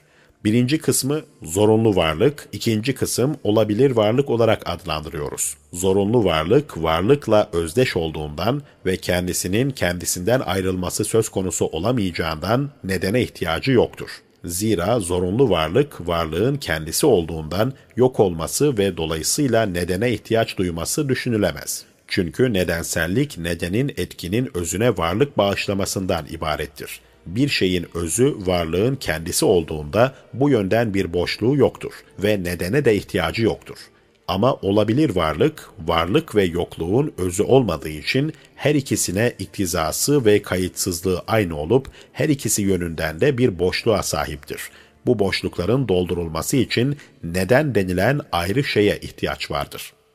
Nedenlerin varlığı o boşluğu varlıkla doldurur. Zatıyla mümkün varlık, başkası nedeniyle zorunlu varlık olur.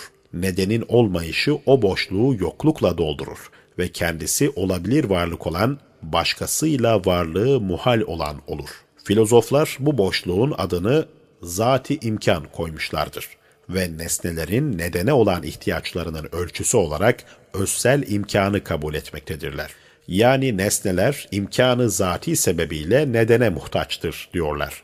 Ayrıca ilk olarak açıkladığımız varlık yönünden ihtiyaçsız olmaya özsel zorunluluk demekteler. Bu felsefecilere göre ihtiyaç duymanın ölçü ve kökü öncesinin yokluk oluşu değil, özsel yani zati boşluktur.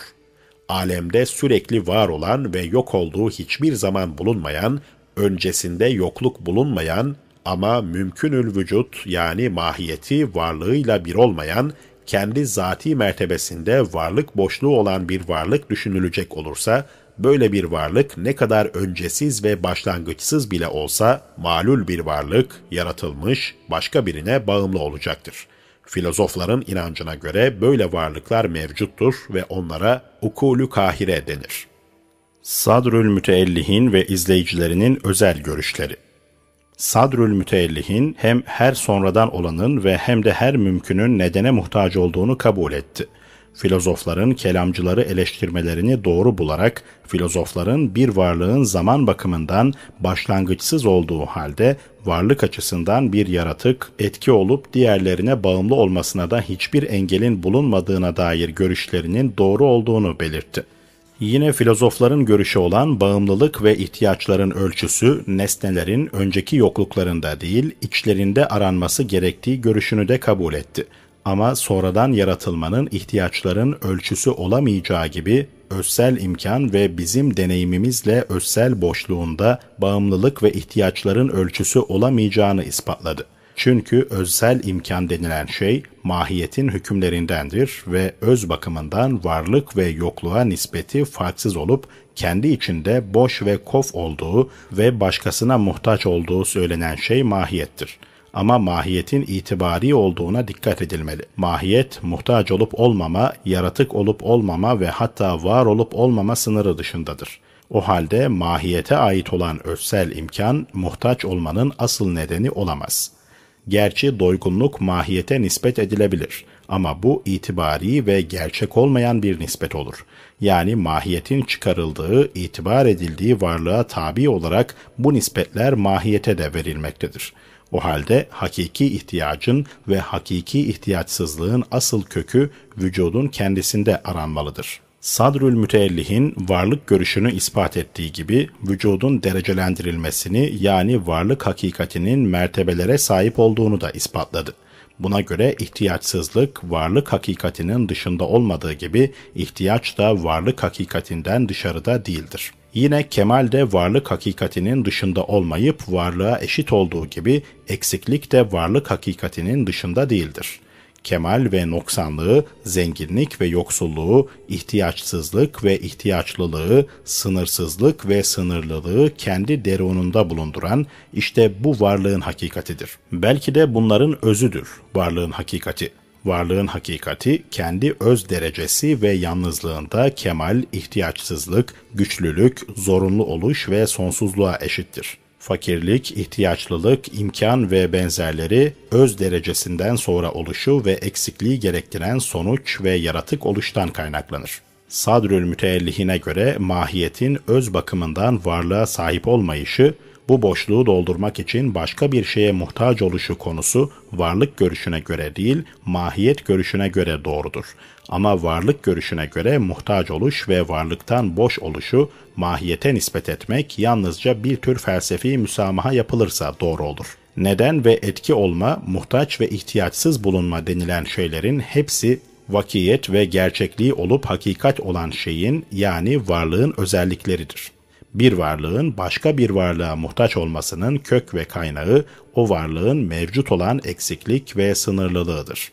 Kelamcılar ve filozofların çoğunluğunun görüşlerinin aksine Sadrül Müteellihine göre muhtaç, ihtiyaç ve ihtiyaç ölçüsü ayrı ayrı şeyler değildir. Burada muhtaç, ihtiyaç ve ihtiyaç ölçüsü denilen şeylerin hepsi birdir. Varlık derecelerinden bazısı özsel eksiklik ve özsel ikincilik gereğince diğer bir dereceye bağımlı ve muhtaç oluşun özüdür.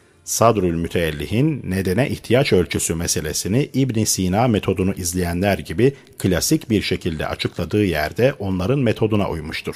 Ama diğer yerlerde bu meselede kesin sonuç olan kendi görüşünü açıklar. Bu meseleyi klasik bir şekilde ele aldığında eski felsefecilerin yolunu izlemiştir. Sonradan gelenler ve Hacı Sebzevari gibi yolunu izleyenler Sadrül Müteellihinin bu meselede görüşü olmadığına hükmettiler. Biz bu meseleyi ilk olarak usulü felsefede dipnotlar halinde verdik ve yararlananların hizmetine sunduk. Tevhid ve tekamül bana göre materyalizme eğilimde tesiri büyük olan şeylerden biri de yaratılışla transformizm yani evrim ve özellikle canlılardaki evrim arasındaki çelişki bulunduğu sanısıdır. Başka bir deyimle yaratılışın varlıkların aniden var edilmesi ve evrimin ise varlıkların yaratıcısız olduğu vehmidir. Tarihten anladığımız kadarıyla batıda şu düşünce hakimmiş. Eğer bu alem Tanrı tarafından yaratılmışsa bunun gereği olarak hiçbir şeyin değişmeyip sabit kalması gerekirdi. Ayrıca evrende bir değişiklik özellikle evrenin temelinde yani türlerde değişiklik olmazdı. O halde evrim özellikle özsel evrim yani bir şeyin mahiyetini değiştirerek onun türünün değişmesine sebep olan evrim imkan dışıdır. Öte yandan bilim ilerledikçe özellikle canlıların gelişmekte olduklarını ispatladı ve bu konuda deliller ortaya koydu. Bu iki öncülün sonucu bilimlerin ve özellikle biyoloji ilminin Tanrı inancıyla ters düştüğünün ileri sürülmesiydi. Bilindiği üzere Lamarck ve Darwin'in görüşleri Avrupa'da belli bir heyecan uyandırmıştı. Aslında Darwin kendisi Tanrı'ya ve dine inanmaktaydı. Hatta onun ölüm anında İncil'i göğsünün üzerine koymuş olduğu söylenir. Kendisi de birçok yazısında Tanrı'ya olan imanını ilan etmiştir ama görüşleri %100 Tanrı'ya karşı tanıtıldı şöyle denilmesi mümkündür. Genel olarak evrim, özel olarak Darwin'in ortaya attığı insanın aslının maymun oluşu ki bu görüş sonradan reddedilmiştir.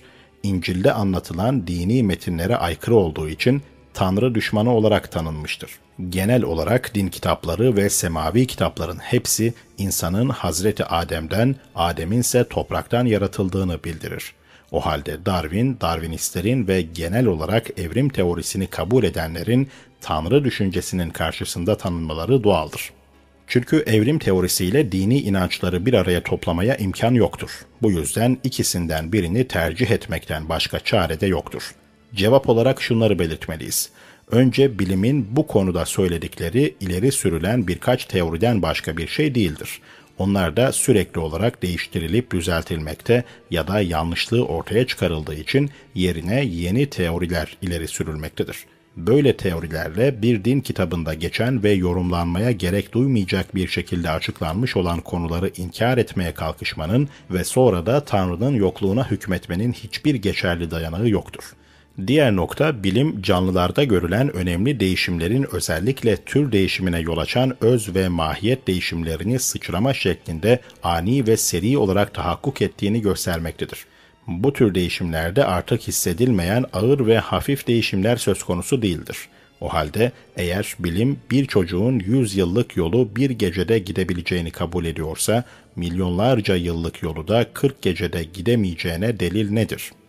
Dini kitaplarda Adem'in topraktan yaratıldığının açık bir şekilde belirtilmiş olduğunu farz etsek de bu öyle bir şekilde açıklanmıştır ki tabiatta bir kısım edim ve edilginin bulunduğunu gösteriyor. Dini kitaplarda Adem'in yaratılış maddesinin 40 gün yoğrulduğu yazılmaktadır. İlk hayat hücresinin insan nevinden bir canlı olabilmesi için milyarlarca yıllık zamanda kat etmesi gereken aşamaları o ilk insan hücresinin Allah'ın kendi kudretiyle hazırladığı ortam ve koşullar dahilinde 40 gün içerisinde kat etmediğini nereden biliyoruz?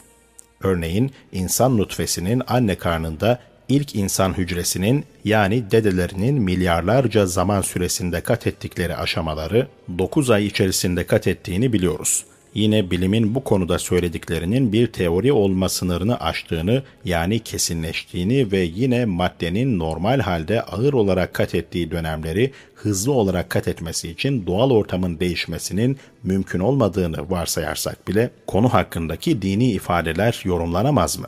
Biz eğer özellikle Kur'an-ı Kerim'i konu hakkında esas alacak olursak, Kur'an-ı Kerim Adem kıssasını sembolik olarak ele almıştır. Bundan kastımız Adem'in insan türüne bir sembol olup bir şahıs ismi olmadığını söylemek değildir. Kesin olarak belirtelim ki bahsettiğimiz Adem vardır ve bir insandır. Bizim amacımız şudur. Kur'an-ı Kerim Adem kıssasının cennette geçtiğini, şeytanın aldatması, haset ve tamah yüzünden cennetten kovuluşunu ve tevbe edişini sembolik olarak ele almıştır.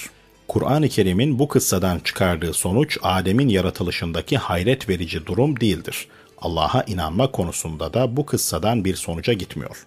Kur'an-ı Kerim bu kıssayı yalnızca insanın manevi makamı ve bir kısım ahlaki meseleleri açısından ele almıştır. Allah'a ve Kur'an-ı Kerim'e inanan bir kişinin bu imanını korumak kaydıyla Adem'in yaratılışı şeklinde kıssayı yorumlaması pekala mümkündür. Bugün biz Allah'a, peygambere ve Kur'an'a inanmakla birlikte Adem'in yaratılış kıssasını da çağın bilimi ışığında yorumlayan birçok kişi tanıyoruz. Hiç kimse o görüşlerin Allah'a inanmakla çeliştiğini iddia etmemiştir. Biz de bu görüşleri söz konusu edildikleri kitaplarda incelediğimiz zaman her ne kadar tatmin olmasak da üzerinde düşünmeye değer noktalarla karşılaşıyoruz. Bunun için böyle düşüncelerin Allah'ı, dini ve dolayısıyla Kur'an'ı inkar etmede bahane olarak kullanılması bilimin insafına sığmamaktadır. Diğer nokta dini öğretinin ve ayetlerin yorumlanamayacağını ve bilim bakımından da insanın aslının maymuna dayandığının kesin olarak kanıtlandığını varsaysak bile bundan elde edilecek sonuç insanın dini kitaplara imanı kalmaz ama niye Tanrı'nın varlığını inkar etsin ki şeklindedir. Tevrat'ta olduğu gibi insanın aslının doğrudan doğruya toprağa dayandığını açık olarak belirtmeyen dini kitaplar da olabilir. Bir de birkaç ya da bütün dinleri kabul etmekle Tanrı'yı kabul etmemek arasında ne gibi bir çelişki olabilir ki? Sürekli olarak hiçbir dine bağlı olmadığı halde Tanrı'ya inanan bazı kimseler dünyada bulunmuştur. Şimdiye kadar açıklamaya çalıştıklarımızdan şu sonuca ulaşıyoruz. Dini öğretilerle evrim teorisi arasında var olduğu varsayılan çelişki, materyalizme yönelme için bir gerekçe sayılmaz. Avrupa'daki materyalistler evrim teorisiyle Tanrı inancının bir yerde birleşemeyeceğini ileri sürüyorlardı. Bunun aklen ve mantıken mümkün olmayacağını söylüyorlardı. Bu ister dinle uyuşsun, ister uyuşmasın, evrim teorisini kabul etmenin Tanrı inancını ortadan kaldıracağını hayal ediyorlardı. Acaba bu iki konu arasında akıl ve mantık açısından herhangi bir çelişki var mıdır? Şimdi bu meseleyi ele almak istiyoruz. Acaba hiçbir zıddiyet yok da bu çelişkiyi batı felsefi kavramlarının yetersizliği mi ortaya çıkarmıştır? Konunun açıklığa kavuşturulması için önce bu çelişkinin var olduğuna inanan materyalistlerin görüşlerini incelememiz gerekiyor. Bunların sözlerini iki şekilde ele alıp açıklama yapmak mümkündür. 1. Evrim teorisinin ortaya çıkmasıyla Tanrı'ya inananların en mühim delilleri ellerinden alınmış oldu. Çünkü metafizikçilerin bilinçli ve hikmet sahibi bir yaratıcının varlığına olan en mühim delilleri varlık aleminde görülen üstün ve sağlam düzen meselesidir. Özellikle canlılarda yani hayvan ve bitkilerde görülen düzen. Ama bitki ve hayvanların yaratılışı ani olsaydı varlıklarda olan sağlam düzenle istidlal etmek doğru olurdu. Zira bazı amaçlar güdüldüğünün açık delili olan insan organizması ve bazı cihazların yerleştirildiği bir varlığın ani olarak birdenbire bir düzenleyicinin denetimi olmaksızın yaratılı verdiğini kabul etmek doğru değildir. Ama eğer varlıkların meydana gelişlerini aşamalı zaman süreci içerisinde yani milyonlarca milyon yıl sürecinde kabul edersek, ilkel canlılar yavaş yavaş gelişerek nesillerin ve türlerin çoğaldığını ve bir yandan da gelişerek bugünkü organizmalara sahip olduklarını da kabul etmeliyiz. O halde en ince hesapları olan canlı vücutlarının hiçbir amaç olmaksızın ve hiçbir kimsenin denetimi bulunmaksızın doğal koşulların zorlamasıyla ve kendi kendine yani tesadüfen var olmaları sonucuna ulaşmak için hiçbir engel kalmaz.'' O zaman da dönüşümcülük teorisinin kabul ve ispatıyla dine inananların en önemli delilleri ellerinden alınmış olur. Bu da materyalist görüşün ağırlık kazanmasına ve bazı kimselerin materyalizme yönelmesine yeterlidir. Gerçekte ise bu yorumun doğru bir yorum olduğu söylenemez. Eğer bu sözler canlılığını koruyan ilahi bir ekole sunulacak olsa şu cevapla karşılaşılır. İlkin yaratıkta görülen düzen meselesini Tanrı'nın varlığı için tek delil saymak yanlış olduğu gibi önemli delillerden saymakta abartma olur. Yaratılanlarda bulunan düzen meselesi yalnızca canlı organlara özgü değildir ki canlıların aşamalı olarak sürdürdükleri evrim onların varoluşlarının tesadüfi olduğunu yorumlamakta yeterli sayılsın. Asıl cevap şu ki aşamalı varoluşla bitki ve hayvanların yapılarında meydana gelen tesadüfi değişiklikler aslında onların yapılarında bulunan ince düzen ve sistemlerin yorumlanmasına yeterli olmamaktadır. Tesadüfi değişimleri geçerli sayabilmemiz için amaçsız bir uğraşı, bir tesadüf veya ayrı aşamada yapılan bir çalışma sonucunda şimdi sahip olduğu özelliklerden apayrı bir şeyin canlının yapısında gerçekleşmesi, ortaya çıkması gerekir. Yani örneklememiz gerekirse örneğin parmakları arasında ördeğin yüzmesine yardımcı olacak bir perdenin oluşması ve tesadüfi olarak oluşan bu perdenin ördeğin yüzmesine yardımdan başka kalıtımsal olarak gelecek nesillere de geçmesi gerekir. Oysa kalıtım yasalarına baktığımız zaman kazanarak elde edilen özelliklerin ve ferdi özelliklerin kalıtım yoluyla gelecek kuşaklara geçmesinin reddedildiğini görürüz. Ayrıca canlıların vücutları ve organları ördeğin ayak parmakları arasında bulunan perde gibi değildir. Genelde organlardan her biri geniş ve karmaşık bir cihazın parçasıdır. Sindirim sistemi, solunum sistemi, görme ve işitme sistemlerini bu arada sayabiliriz ki hepsi de birbiriyle bağlantılıdır. Bunların hepsinin birlikte kullanılmasıyla güçlü ve mükemmel bir organizma ortaya çıkar. Bunlar ayrı ayrı olduklarında amaç sağlanamaz. İnsan için büyük önemi bulunan göz perdelerinden hiçbirisi ayrı ayrı bulunduklarında bir yarar sağlayamazlar ki bunların milyonlarca yıl sürecinde aşamalı olarak meydana geldiğini varsayalım. Mesela göz yapı itibariyle hayret verici bir organdır tüm perdeleri, kılcal damarları ve kasları kafada ve vücutta bulunan diğer organlarla tam bir uyum içerisinde çalışırsa kendinden beklenen amaç gerçekleşmiş olur. Tesadüfi değişmeler sonucu velev ki üzerinden milyonlarca milyon hatta milyarlarca milyar yılın bile geçtiği varsayılsa görme ve işitme sistemi gibi bir sistemin oluşacağını kabul etmek olası değildir. Evrim teorisi daha çok düşünen, planlayan güçlü bir varlığın canlı varlıkların oluşmalarında söz sahibi olduğunu ve bir amaç doğrultusunda yaratıldıklarını kanıtlamaktadır. Darwin çevreye uyum meselesini öylesine açıklamış ki ona sen bu meseleyi madde ötesi bir mesele gibi ele alıyorsun diyenler karşı çıkmıştır. Gerçek de budur aslında. Canlılarda bulunan ve çok esrarengiz bir güç olan çevreye uyum gücü madde ötesi bir güçtür yani bir tür amaç bilincine ve amaca gitmesini sağlayan güce bağlıdır. Kesinlikle amaçsız ve başıboş bir güç değildir. Evrim ilkesinde insanı mevcut evrenin bir güç tarafından yaratılıp düzenlendiğine götüren delil, diğer şeylerde bulunan delillerden az değildir. Darwin'in bizzat kendisinin ve kendisinden sonra gelen birçok biyoloğun tanrı inancına bağlı kalışlarının nedeni çevreye uyum, kalıtım, yaşama kavgası, doğal ayıklanma gibi kanunları canlıların oluşmalarını açıklamakta yeterli görme işleridir. Ama bunu yeterli görmediklerinden yine ani varoluş görüşüne döndüklerini de söyleyemiyorum. Demek istediğim yeterli görmemişlerdir. Gerçekte evrim teorisinin yaratıklarda olan düzen yoluyla Tanrı'nın varlığına yapılan istidlale ters düşüyor denmesine Batı'nın dini felsefesinde bulunan zaaf sebep olmuştur. Onlar evrim teorisinin ortaya çıkışından kendileri hesabına yararlanamadılar. Onu kendi inançlarıyla çelişiyor sandılar. Zira evrenin toptan yaratılması halinde bir yaratıcı nedene muhtaç olduğunu varsayıp evrenin veya evrende bulunan türlerden birinin aşamalı olarak var olduğu kabul edilirse evrende bulunan tedrici nedenlerin onu yorumlamakta yeterli olacağını sandılar. Bu tür varsayımlar Batı felsefe sisteminin zayıf olduğunu göstermektedir. 2. Evrim teorisinin batıda düzen delilini zayıflattığının sanılmasının yanı sıra evrimci ekolün dini ekole ters olduğunun sanılmasına ve bu yüzden materyalist görüşlerin ilerlemesine yardımcı olan diğer bir neden de şu düşünceydi. Eğer yaratılışta tanrı müdahalesi söz konusuysa varlıkların önceden hazırlanan bir plana göre yaratılmış olmaları gerekir. Yani varlıkların varlığının ilk önce tanrının ilmi de düşünülerek daha sonra tanrısal bir güç ve iradeyle yaratılması gerekir. Önceden düşünülüp planlanan bir şeyde ise tesadüfün adını anmak bile boş olur. Çünkü tesadüf ön tasarı ve planın olmadığı yerde olabilir. Fakat biz tesadüfün evren üzerinde çok büyük bir etkisi olduğunu biliyoruz. Tesadüfü ilk varlıkların yaratılışına yeterli görmesek bile yaratılış sürecindeki önemli rol ve varlığını yatsıyamayız. Örneğin canlıların beşiği olan yer kürenin kendisi tesadüf sonucu var olan bir parçadır. Güneşin bir küreye yerleşip onun çekim alanında kalmasıyla oluşmuştur. Eğer önceden hazırlanan bir plan, başka bir deyimle ezeli takdir denilen şey söz konusu olsaydı, tesadüfün hiçbir rolü olmazdı. Sonuç olarak eğer Tanrı var olursa varlıklar önceden çizilen plan gereğince var olur ve Tanrı'nın ezeli ilminde öngörülmüş olurlardı. Eğer varlıklar Tanrı'nın ezeli ilminde öngörülmüş olsaydı tesadüfün adı bile olmazdı. Tesadüf yaratılışta etkili bir rol oynadığına göre varlıkların yaratılışında bir öngörünün sözü edilemez. Bir öngörü olmadığına göre Tanrı da yoktur.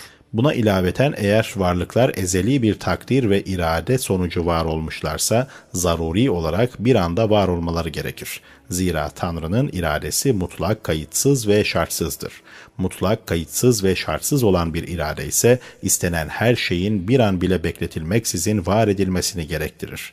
Bunun için dini kitaplarda yaratıcı bir şeyi istediğinde ona yalnızca ol demesi yeterlidir. O da hemen olu verir diye geçmektedir. O halde eğer evren ve onda bulunan şeyler ilahi bir irade ve istek sonucu meydana gelmişlerse evrenin en sonda olması gereken şekilde önceden de var olması gerekir. Birisi ezeli ilim, diğeri ezeli irade ile ilgili olan bu iki açıklamanın sonucu şu olur. Eğer evrende Tanrı varsa hem ezeli ilim ve hem de ezeli iradenin var olması gerekir. Bunların gereği olarak varlıklar da bir anda yaratılmışlardır.'' Cevaben şunu söyleriz. Varlıkların ani olarak yaratılması ne ezeli ilim ve ne de ezeli irade gerektirir. İlahiyun ve din kitapları da konuyu bu şekilde ele almamışlardır. Dini kitaplarda Allah'ın evreni altı günde yarattığı bildirilmekte. Bu günlerden amaç ister altı dönem, ister her biri bin yıla eşit olan bir çeşit tanrısal gün, ister bizim bildiğimiz 144 saate eşit olan altı gün olsun, evrenin tedrici olarak yaratıldığı anlaşılır. Hiçbir zaman ilahiyun, ezeli ilim ve ezeli mutlak iradenin gereği olarak göklerin bir anda birdenbire yaratılmış olmaları gerekir. Halbuki din kitaplarında belli bir zaman sürecinde ve tedrici olarak yaratıldığı bildiriliyor diye bir meseleyi söz konusu etmemişlerdir. Yine Kur'an-ı Kerim bebeğin anne karnında tedrici olarak yaratılışını öne sürüyor ve bunu Allah'ı tanımada bir delil olarak zikrediyor. Şimdiye kadar hiç kimse bir şeyi dileyip irade ettiğinde yalnızca ol diyen ezeli ilim ve irade gereği bebeğin de aşamalardan geçmeden bir anda olması gerektiğini söylememiştir. Bu dini kitaplar açısındandır. Felsefi açıdansa ezeli ilmin olması tesadüfün hiçbir role sahip olmamasını gerektirir dendi. Bu açıklamayı gerektirmektedir. Filozoflara göre tesadüf denilen bir şey yoktur. Beşerin tesadüf diye bildiği şeyler aslında tesadüf değildir. Tesadüfte söz konusu olan neden ve sonuç ilişkisinin diğer neden ve sonuçlardaki ilişkiden en küçük bir farkı bile yoktur. Örneğin Tahran'da otomobiline binip Kum şehrine doğru yola çıkan kimse Kum'a ulaştıktan sonra ben Kum'a tesadüfen geldim diyemez. Çünkü bu hareketin doğal sonucu Kum'a varmaktadır. Yine Tahran'dan Kum'a giderken hiç aklınızdan geçmeyen ve yıllardır görmediğiniz bir arkadaşınızla karşılaşsanız, örneğin siz yolda dinlenmek için bir kafeteryaya çay içmeye uğradığınızda baktınız ki 20 yıldır görmediğiniz arkadaşınız da Şiraz'dan Tahran'a gelirken oraya çay içmek ve biraz dinlenmek için uğramış. Böyle bir durumda her iki arkadaş da Tahran'da kum yolunda tesadüfen karşılaştık derler her iki tarafında bu işi tesadüf olarak değerlendirmesi bu karşılaşmanın Tahran'dan Kum'a ve Kum'dan Tahran'a yolculuk yapmanın gereği olmadığındandır. Eğer bu karşılaşma bu yolun gereği olsaydı her zaman bu yolda yolculuk yaptıklarında karşılaşırlardı. Bununsa böyle olmadığı anlaşılmaktadır. Bu yolculuk ister zaman, ister mekan, ister diğer bir takım şartlar yönünden olsun bazı özelliklere sahip olduğu için bu görüşmeyi doğurmuştur. Bu yüzden bu görüşme ne görüşen taraflar ne bunlara benzer başka birileri için önceden tasarlanmıştır ve ne de tasarlanabilir. Eğer bu görüşen taraflardan biri yolculuğu için bir program hazırlamak isteseydi bile bu görüşmeyi de o programa dahil etmeye muvaffak olamazdı.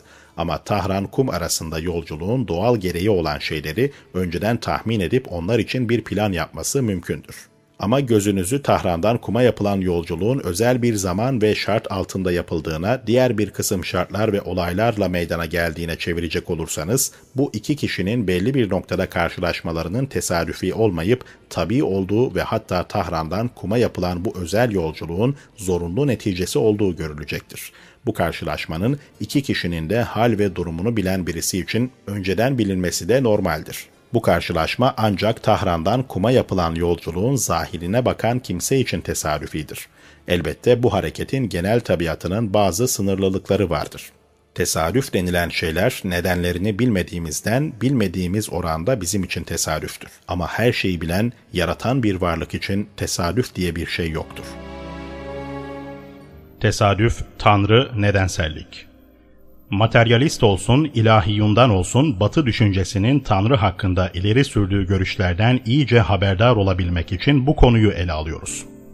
Bir grup Tanrı'nın varlığını ispatlayabilmek için nedensellik ilkesinin, neden ve etkinin gerekirliği ilkesinin çürütülmesi ve gerektiğini sanmışlar. Yani Tanrı'nın varlığını ispat ederken en esaslı dayanak olmakla birlikte bilimsel ve felsefi her türlü görüşünde temeli sayılan nedensellik ilkesini yıkmak istemişlerdir. Russell, Bilimsel Dünya Görüşü adlı eserinde bilim ve din başlıklı bir bölüm açmıştır. Bizce bu meselenin bu başlık altında ele alınması bile bu konularda Batı düşüncesinin ne düzeyde olduğunu anlamaya yeter. Russell şöyle diyor orada.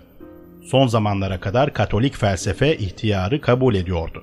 Varlık dünyasındaki doğa kanunlarını kabule de rağbet ediyordu.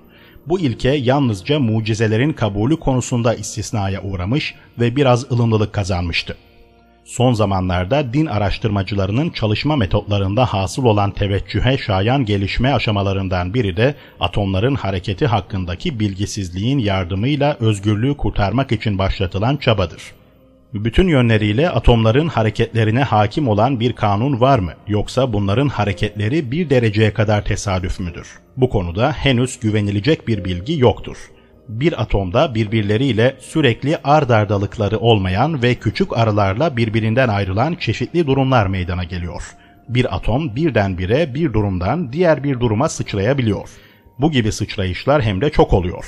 Hali hazırda falanca durumda hangi sıçrayış olacağını belirtecek bir kanun yoktur. Bu yüzden atom hiçbir düzen ve kaide altına girmiyor. Fakat benzerlik bakımından belki özgürlük adını verebileceğimiz bir özelliğe sahiptir. Eddington, Fizik Dünyasının Mahiyeti adlı eserinde bu ihtimalle büyük bir sahne düzenlemiştir. Daha sonra Russell yad gereklilik ilkesinin tarihçesini anlatıp şöyle devam ediyor. Eddington'ın özgürlüğü teyit için bu ilkeye niçin dayandığına şaşırıyorum. Çünkü adı geçen ilke tabiatın hareketinde özgürlük olduğunu asla göstermiyor. Daha sonra kuantum mekaniğinden çıkan sonucun nedensellik değil gereklilik ilkesinin iptali olduğuna dair şöyle diyor ya da gereklilik ilkesinde fiziksel bir olayın nedensiz gerçekleşebileceğini gösterecek bir şey yoktur. Şimdi atom ve onda sanılan özgürlüğe dönüyoruz. Önce bilmeliyiz ki atomun hareketinin tamamen kanunsuz olduğu henüz bilinmiş değildir. Bu kuramın kabulü veya reddinde kesin hüküm vermek bilimsel olmadığı gibi yanlıştır. Çünkü son zamanlarda bilim atomun eski fizik kanunları alanında olmadığını keşfedebilmiştir Kimi fizikçiler de bu keşfe dayanarak korkusuzca atomun asla kanun alanında olmadığı sonucuna varmışlardır. İnsan nedenli kayıtsız olmalıdır ki sadece bir an için sürebilecek bir bilgisizliği bir felsefenin altyapısı etsin. Üstelik özgürlük inancı aleyhinde sırf bilimsel sorunlar da vardır. Hayvanlar veya insanlar hakkında şimdiye dek yapılan araştırmalar diğer konularda olduğu gibi burada da bilimsel kanunların elde edilebileceğini sergilemiştir. Bunu Pavlov deneylerinde denemişizdir de. İnsanın davranışlarını genel bir kaide altında öngöremiyorsak, bunun bir miktarı insan mekanizmasının giriftliğinden dolayıdır. Fizik dünyasının kanun alanında olmadığına eğilimli olanlar, bence bu eğilimlerinin sonucunu görmeyeceklerdir. Tabiatın akışı hakkında bütün anlayışlarımız nedensellik ilkesine dayanmaktadır.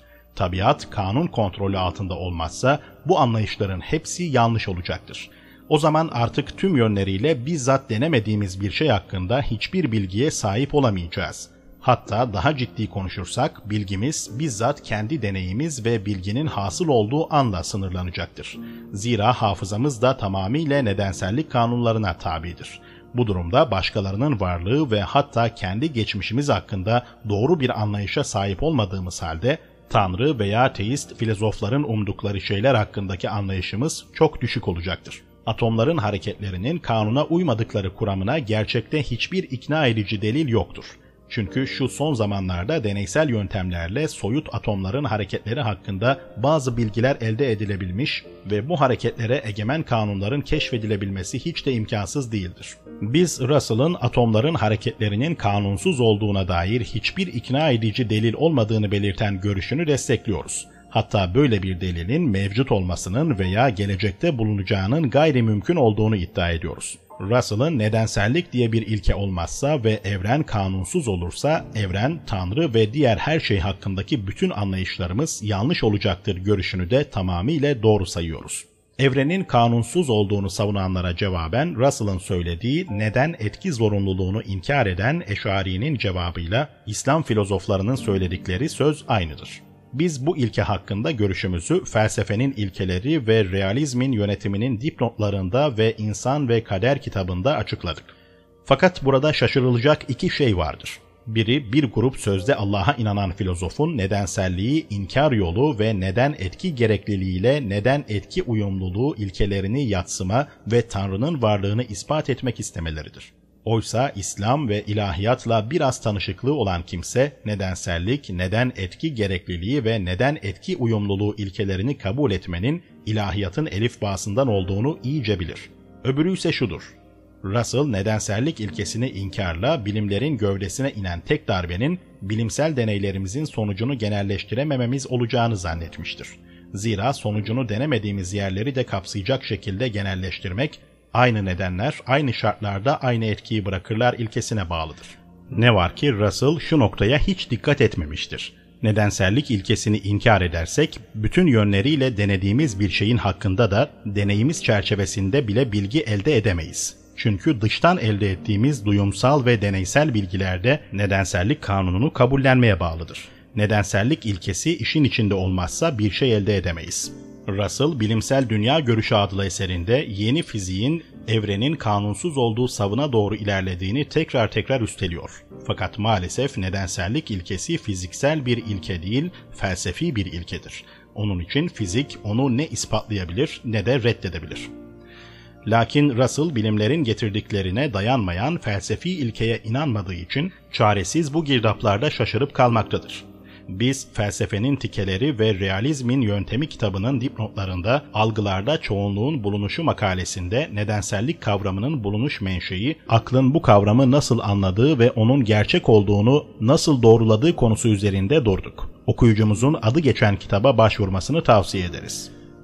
Yaratılış kavramı Felsefi açıdan Batı'nın şaşırıp kaldığı konulardan biri de nedensellik meselesiyle ilişkili olan yaratılış kavramının incelenmesidir. Yaratılış ve yaratmak ne demektir? Yaratmak, yaratıcının bir yoku var etmesi anlamında mıdır? Yoksa bir varı var etmesi anlamında mı? Bu iki anlamdan hiçbirinin makul bir muhtevası yoktur. Üçüncü bir anlamsa düşünülemez. Başka bir deyişle herhangi bir güç tarafından yaratılan şey ya vardır ya da yoktur. Eğer varsa onun yaratılışı tahsili hasıl yani elde olanı elde etmek babındandır. Zira varı var etmek yani bir şeye sahip olduğunu vermek düz çizgiyi düz etmemiz gibidir. Eğer yoksa onu yaratmak, çelişkiyi gerçekleştirmek demektir. Çünkü yoku var etmek, yokluğu varlığa çevirmek demektir.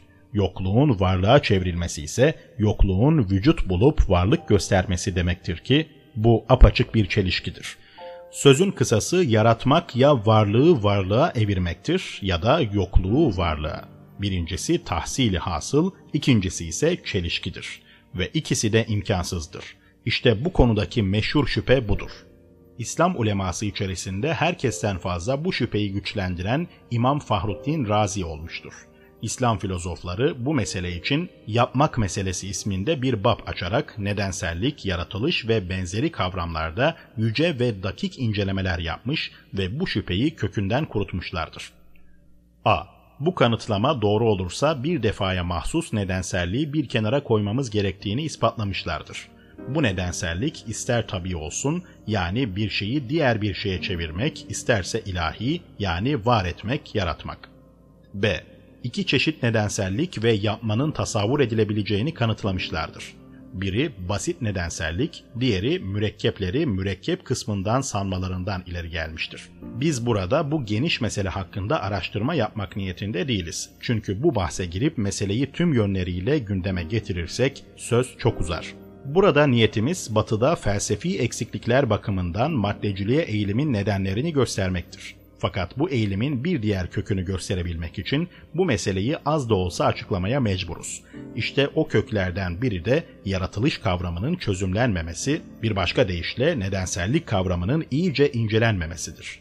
Bu mesele İslam felsefesinde meşhur yapma bahsinde incelenmiştir. Bu münasebetle burada Batı'nın maddeci bir filozofu olarak Russell'dan birkaç söz naklediyoruz. Russell adı geçen kitabının aynı bölümünde yaratıcı tanrı başlığı altında bir bölüm açmıştır. Orada alemin azalmaya ve bitmeye doğru gittiğine dair yeni fiziğin görüşünü mevzu bahis etmiştir. Yeni fiziğin görüşünde evren azalmaya doğru hareket ettiğine göre evrenin bir sonu vardır. Bu ise kendi sırasında evrenin zaman bakımından bir başlangıç noktası olduğunun delilidir. Zira başlangıcı olmayanın sonu olmadığı gibi sonu olanın da başlangıcı vardır. Yanlış anlaşılmasın. Bir şeyin başlangıcı olup sonsuz olması mümkündür. İşte buradan evrenin bir güç tarafından yaratıldığı sonucu elde edilerek maddecilerin görüşünün batıl olduğu ortaya çıkıyor. Bu yeni görüşün tanrıcıların görüşüne yardımcı olmadığını açıklamak isterken şöyle demiştir Russell. Çağımızda bilimle karşı karşıya bulunan en ciddi zorluklardan biri görünüşte evrenin azalmaya doğru gidişi gerçeğinden ileri geliyor. Örnek olarak radyoaktivite öğelerini gösterebiliriz. Bu gibi öğeler sürekli olarak daha basit öğelere bölünmektedirler. Şimdiye kadar bu hareketin karşı cihetinde yeniden bileşik öğe meydana getirecek bir edim ve edilgi görülmemiştir. Ne var ki evrenin erimesinin en önemli ve çetin yönü bu nokta değildir. Zira tabiatta bu edim ve edilginin aksi bir edim ve edilgi şimdiye kadar görülmemişse de böyle bir edim ve edilginin varlığını düşünebiliriz. Hatta alemin başka bir noktasında böyle bir şeyin olması da mümkündür. Asıl zorlukla termodinamiğin ikinci kanununda karşılaşıyoruz termodinamiğin ikinci kanunu evrendeki şeyler kendi başlarına bırakılırlarsa düzensizliğe yönelirler ve ilk düzenlerini hiçbir zaman bulamazlar diyor. Buradan anlaşılana göre bir zamanlar evren tamamıyla düzenli bir durumda ve her şey kendine uygun yerli yerindeymiş. O zamandan şimdiye kadar düzensizlik giderek öylesine çoğalmış ki artık çok şiddetli bir silkmeden başka hiçbir eylem ilk düzeni döndüremez.'' Russell bu konuda biraz açıklamada bulunduktan sonra şöyle devam ediyor. Termodinamiğin ikinci ilkesinin doğru olması varsayımıyla evrenin varlığı zamanında ne kadar geriye dönsek de sınırlı yıllardan sonra evren diye bir şeyin olmadığı bir noktaya ulaşırız. Bu merhale enerji dağıtımının son derece eşitsizlik durumunda olduğu ilkel vaziyetten ibarettir. Daha sonra Eddington'ın sözünü ve sonunda onun hangi görüşü seçmekte şaşkın ve şüpheli kaldığını anlatıyor. Eddington şöyle diyordu.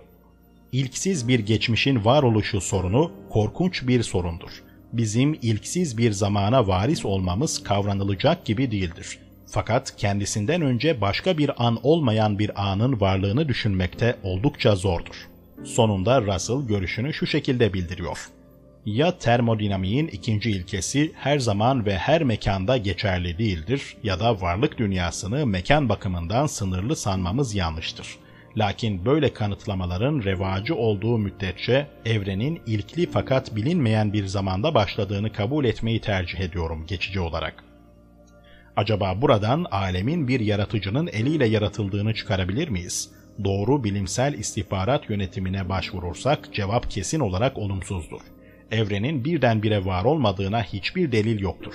Fakat böyle bir şey tuhaf geliyor insana. Lakin bize acayip gelen şeyler olmamalı diye bir kanun yoktur tabiatta. Bizim yaratıcıdan anladığımız bir nedenden anladığımızla eşittir. Oysaki bilim alanında nedensel anlayışlar ancak nedensel kanunlara dayanırsa doğru sayılabilirler. Yoktan yaratmak, imkansızlığı deneyle ispatlanan bir şeydir. Bu yüzden evrenin bir yaratıcı tarafından yaratılması varsayımı, evrenin nedensiz olarak var olması varsayımından hiç de mantıklı değildir. Çünkü bunların ikisi de bizim görebildiğimiz nedensel kanunları aynı ölçüde geçersiz kılıyor. Buraya kadar naklettiklerimiz iki bölümü ihtiva ediyor. Birinci bölüm yeni fizikle ilgilidir ve onun hakkında görüş beyan etmek ilahiyatın yetkisinde değildir. İlahiyat açısından yaratılış sınırlı ve zaman bakımından başlangıçlı olamaz. Belli bir noktada durup sonlu da olamaz. İlahi feyz ve ihsan ilksiz ve sonsuzdur, bitimsizdir. Fiziğin tasarladığı biçimde şimdiki evren ancak ilahi feyzin yek diğerine bağlı halkalarından bir halka olabilir. Fakat ferdine münhasır halka olamaz. İlahiyat görüşünde evrenin ilkli bir zamanda başlaması, yaratılışın sınırlı bir zamanda başladığını değil, yaratılışın bu parçasının bir başlangıç noktası olduğunu anlatır. İkinci bölüm bu 20. yüzyıl filozofunun filozofça görüşler ileri sürmesiyle ilgilidir. Yukarıdaki sözleri nakletmekten asıl maksadımız bu bölümdür.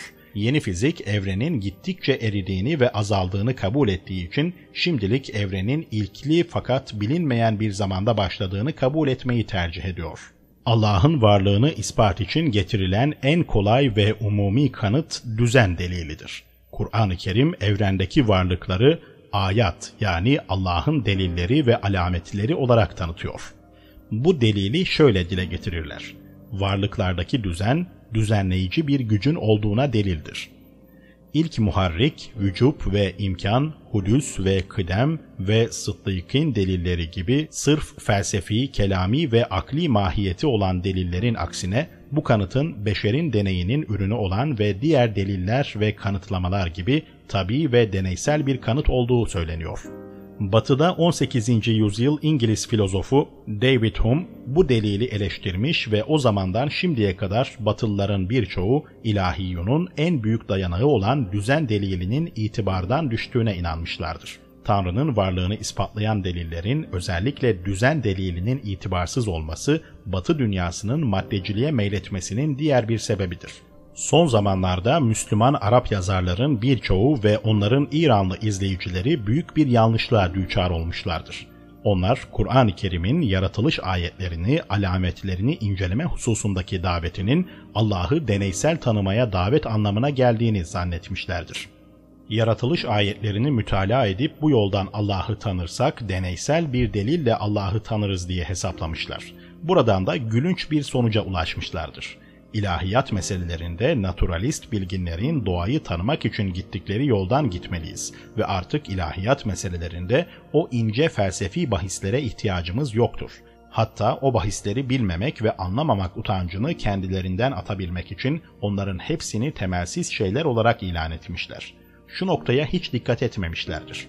Deneyle ancak Allah Teala'nın eserleri tanınabilir.'' Deney yoluyla tanınan eserler yardımıyla Allah'ın tanınması sırf akli kanıtlamayladır. Hum ilahiyunun yani felsefenin Tanrı'dan bahsedilen kısmıyla ilgilenen filozofların evrenin her yönüyle insanın eserleri ve yaptıklarına benzediğini ve sonuçların benzerliğinin nedenlerin benzerliğine delil olacağına dayanarak evrenin aynen makine ve bir evin yapıcısı gibi bir yapıcısı olduğunu ispatlamak istediklerini zannetmiş. Hum böyle değildir diyor.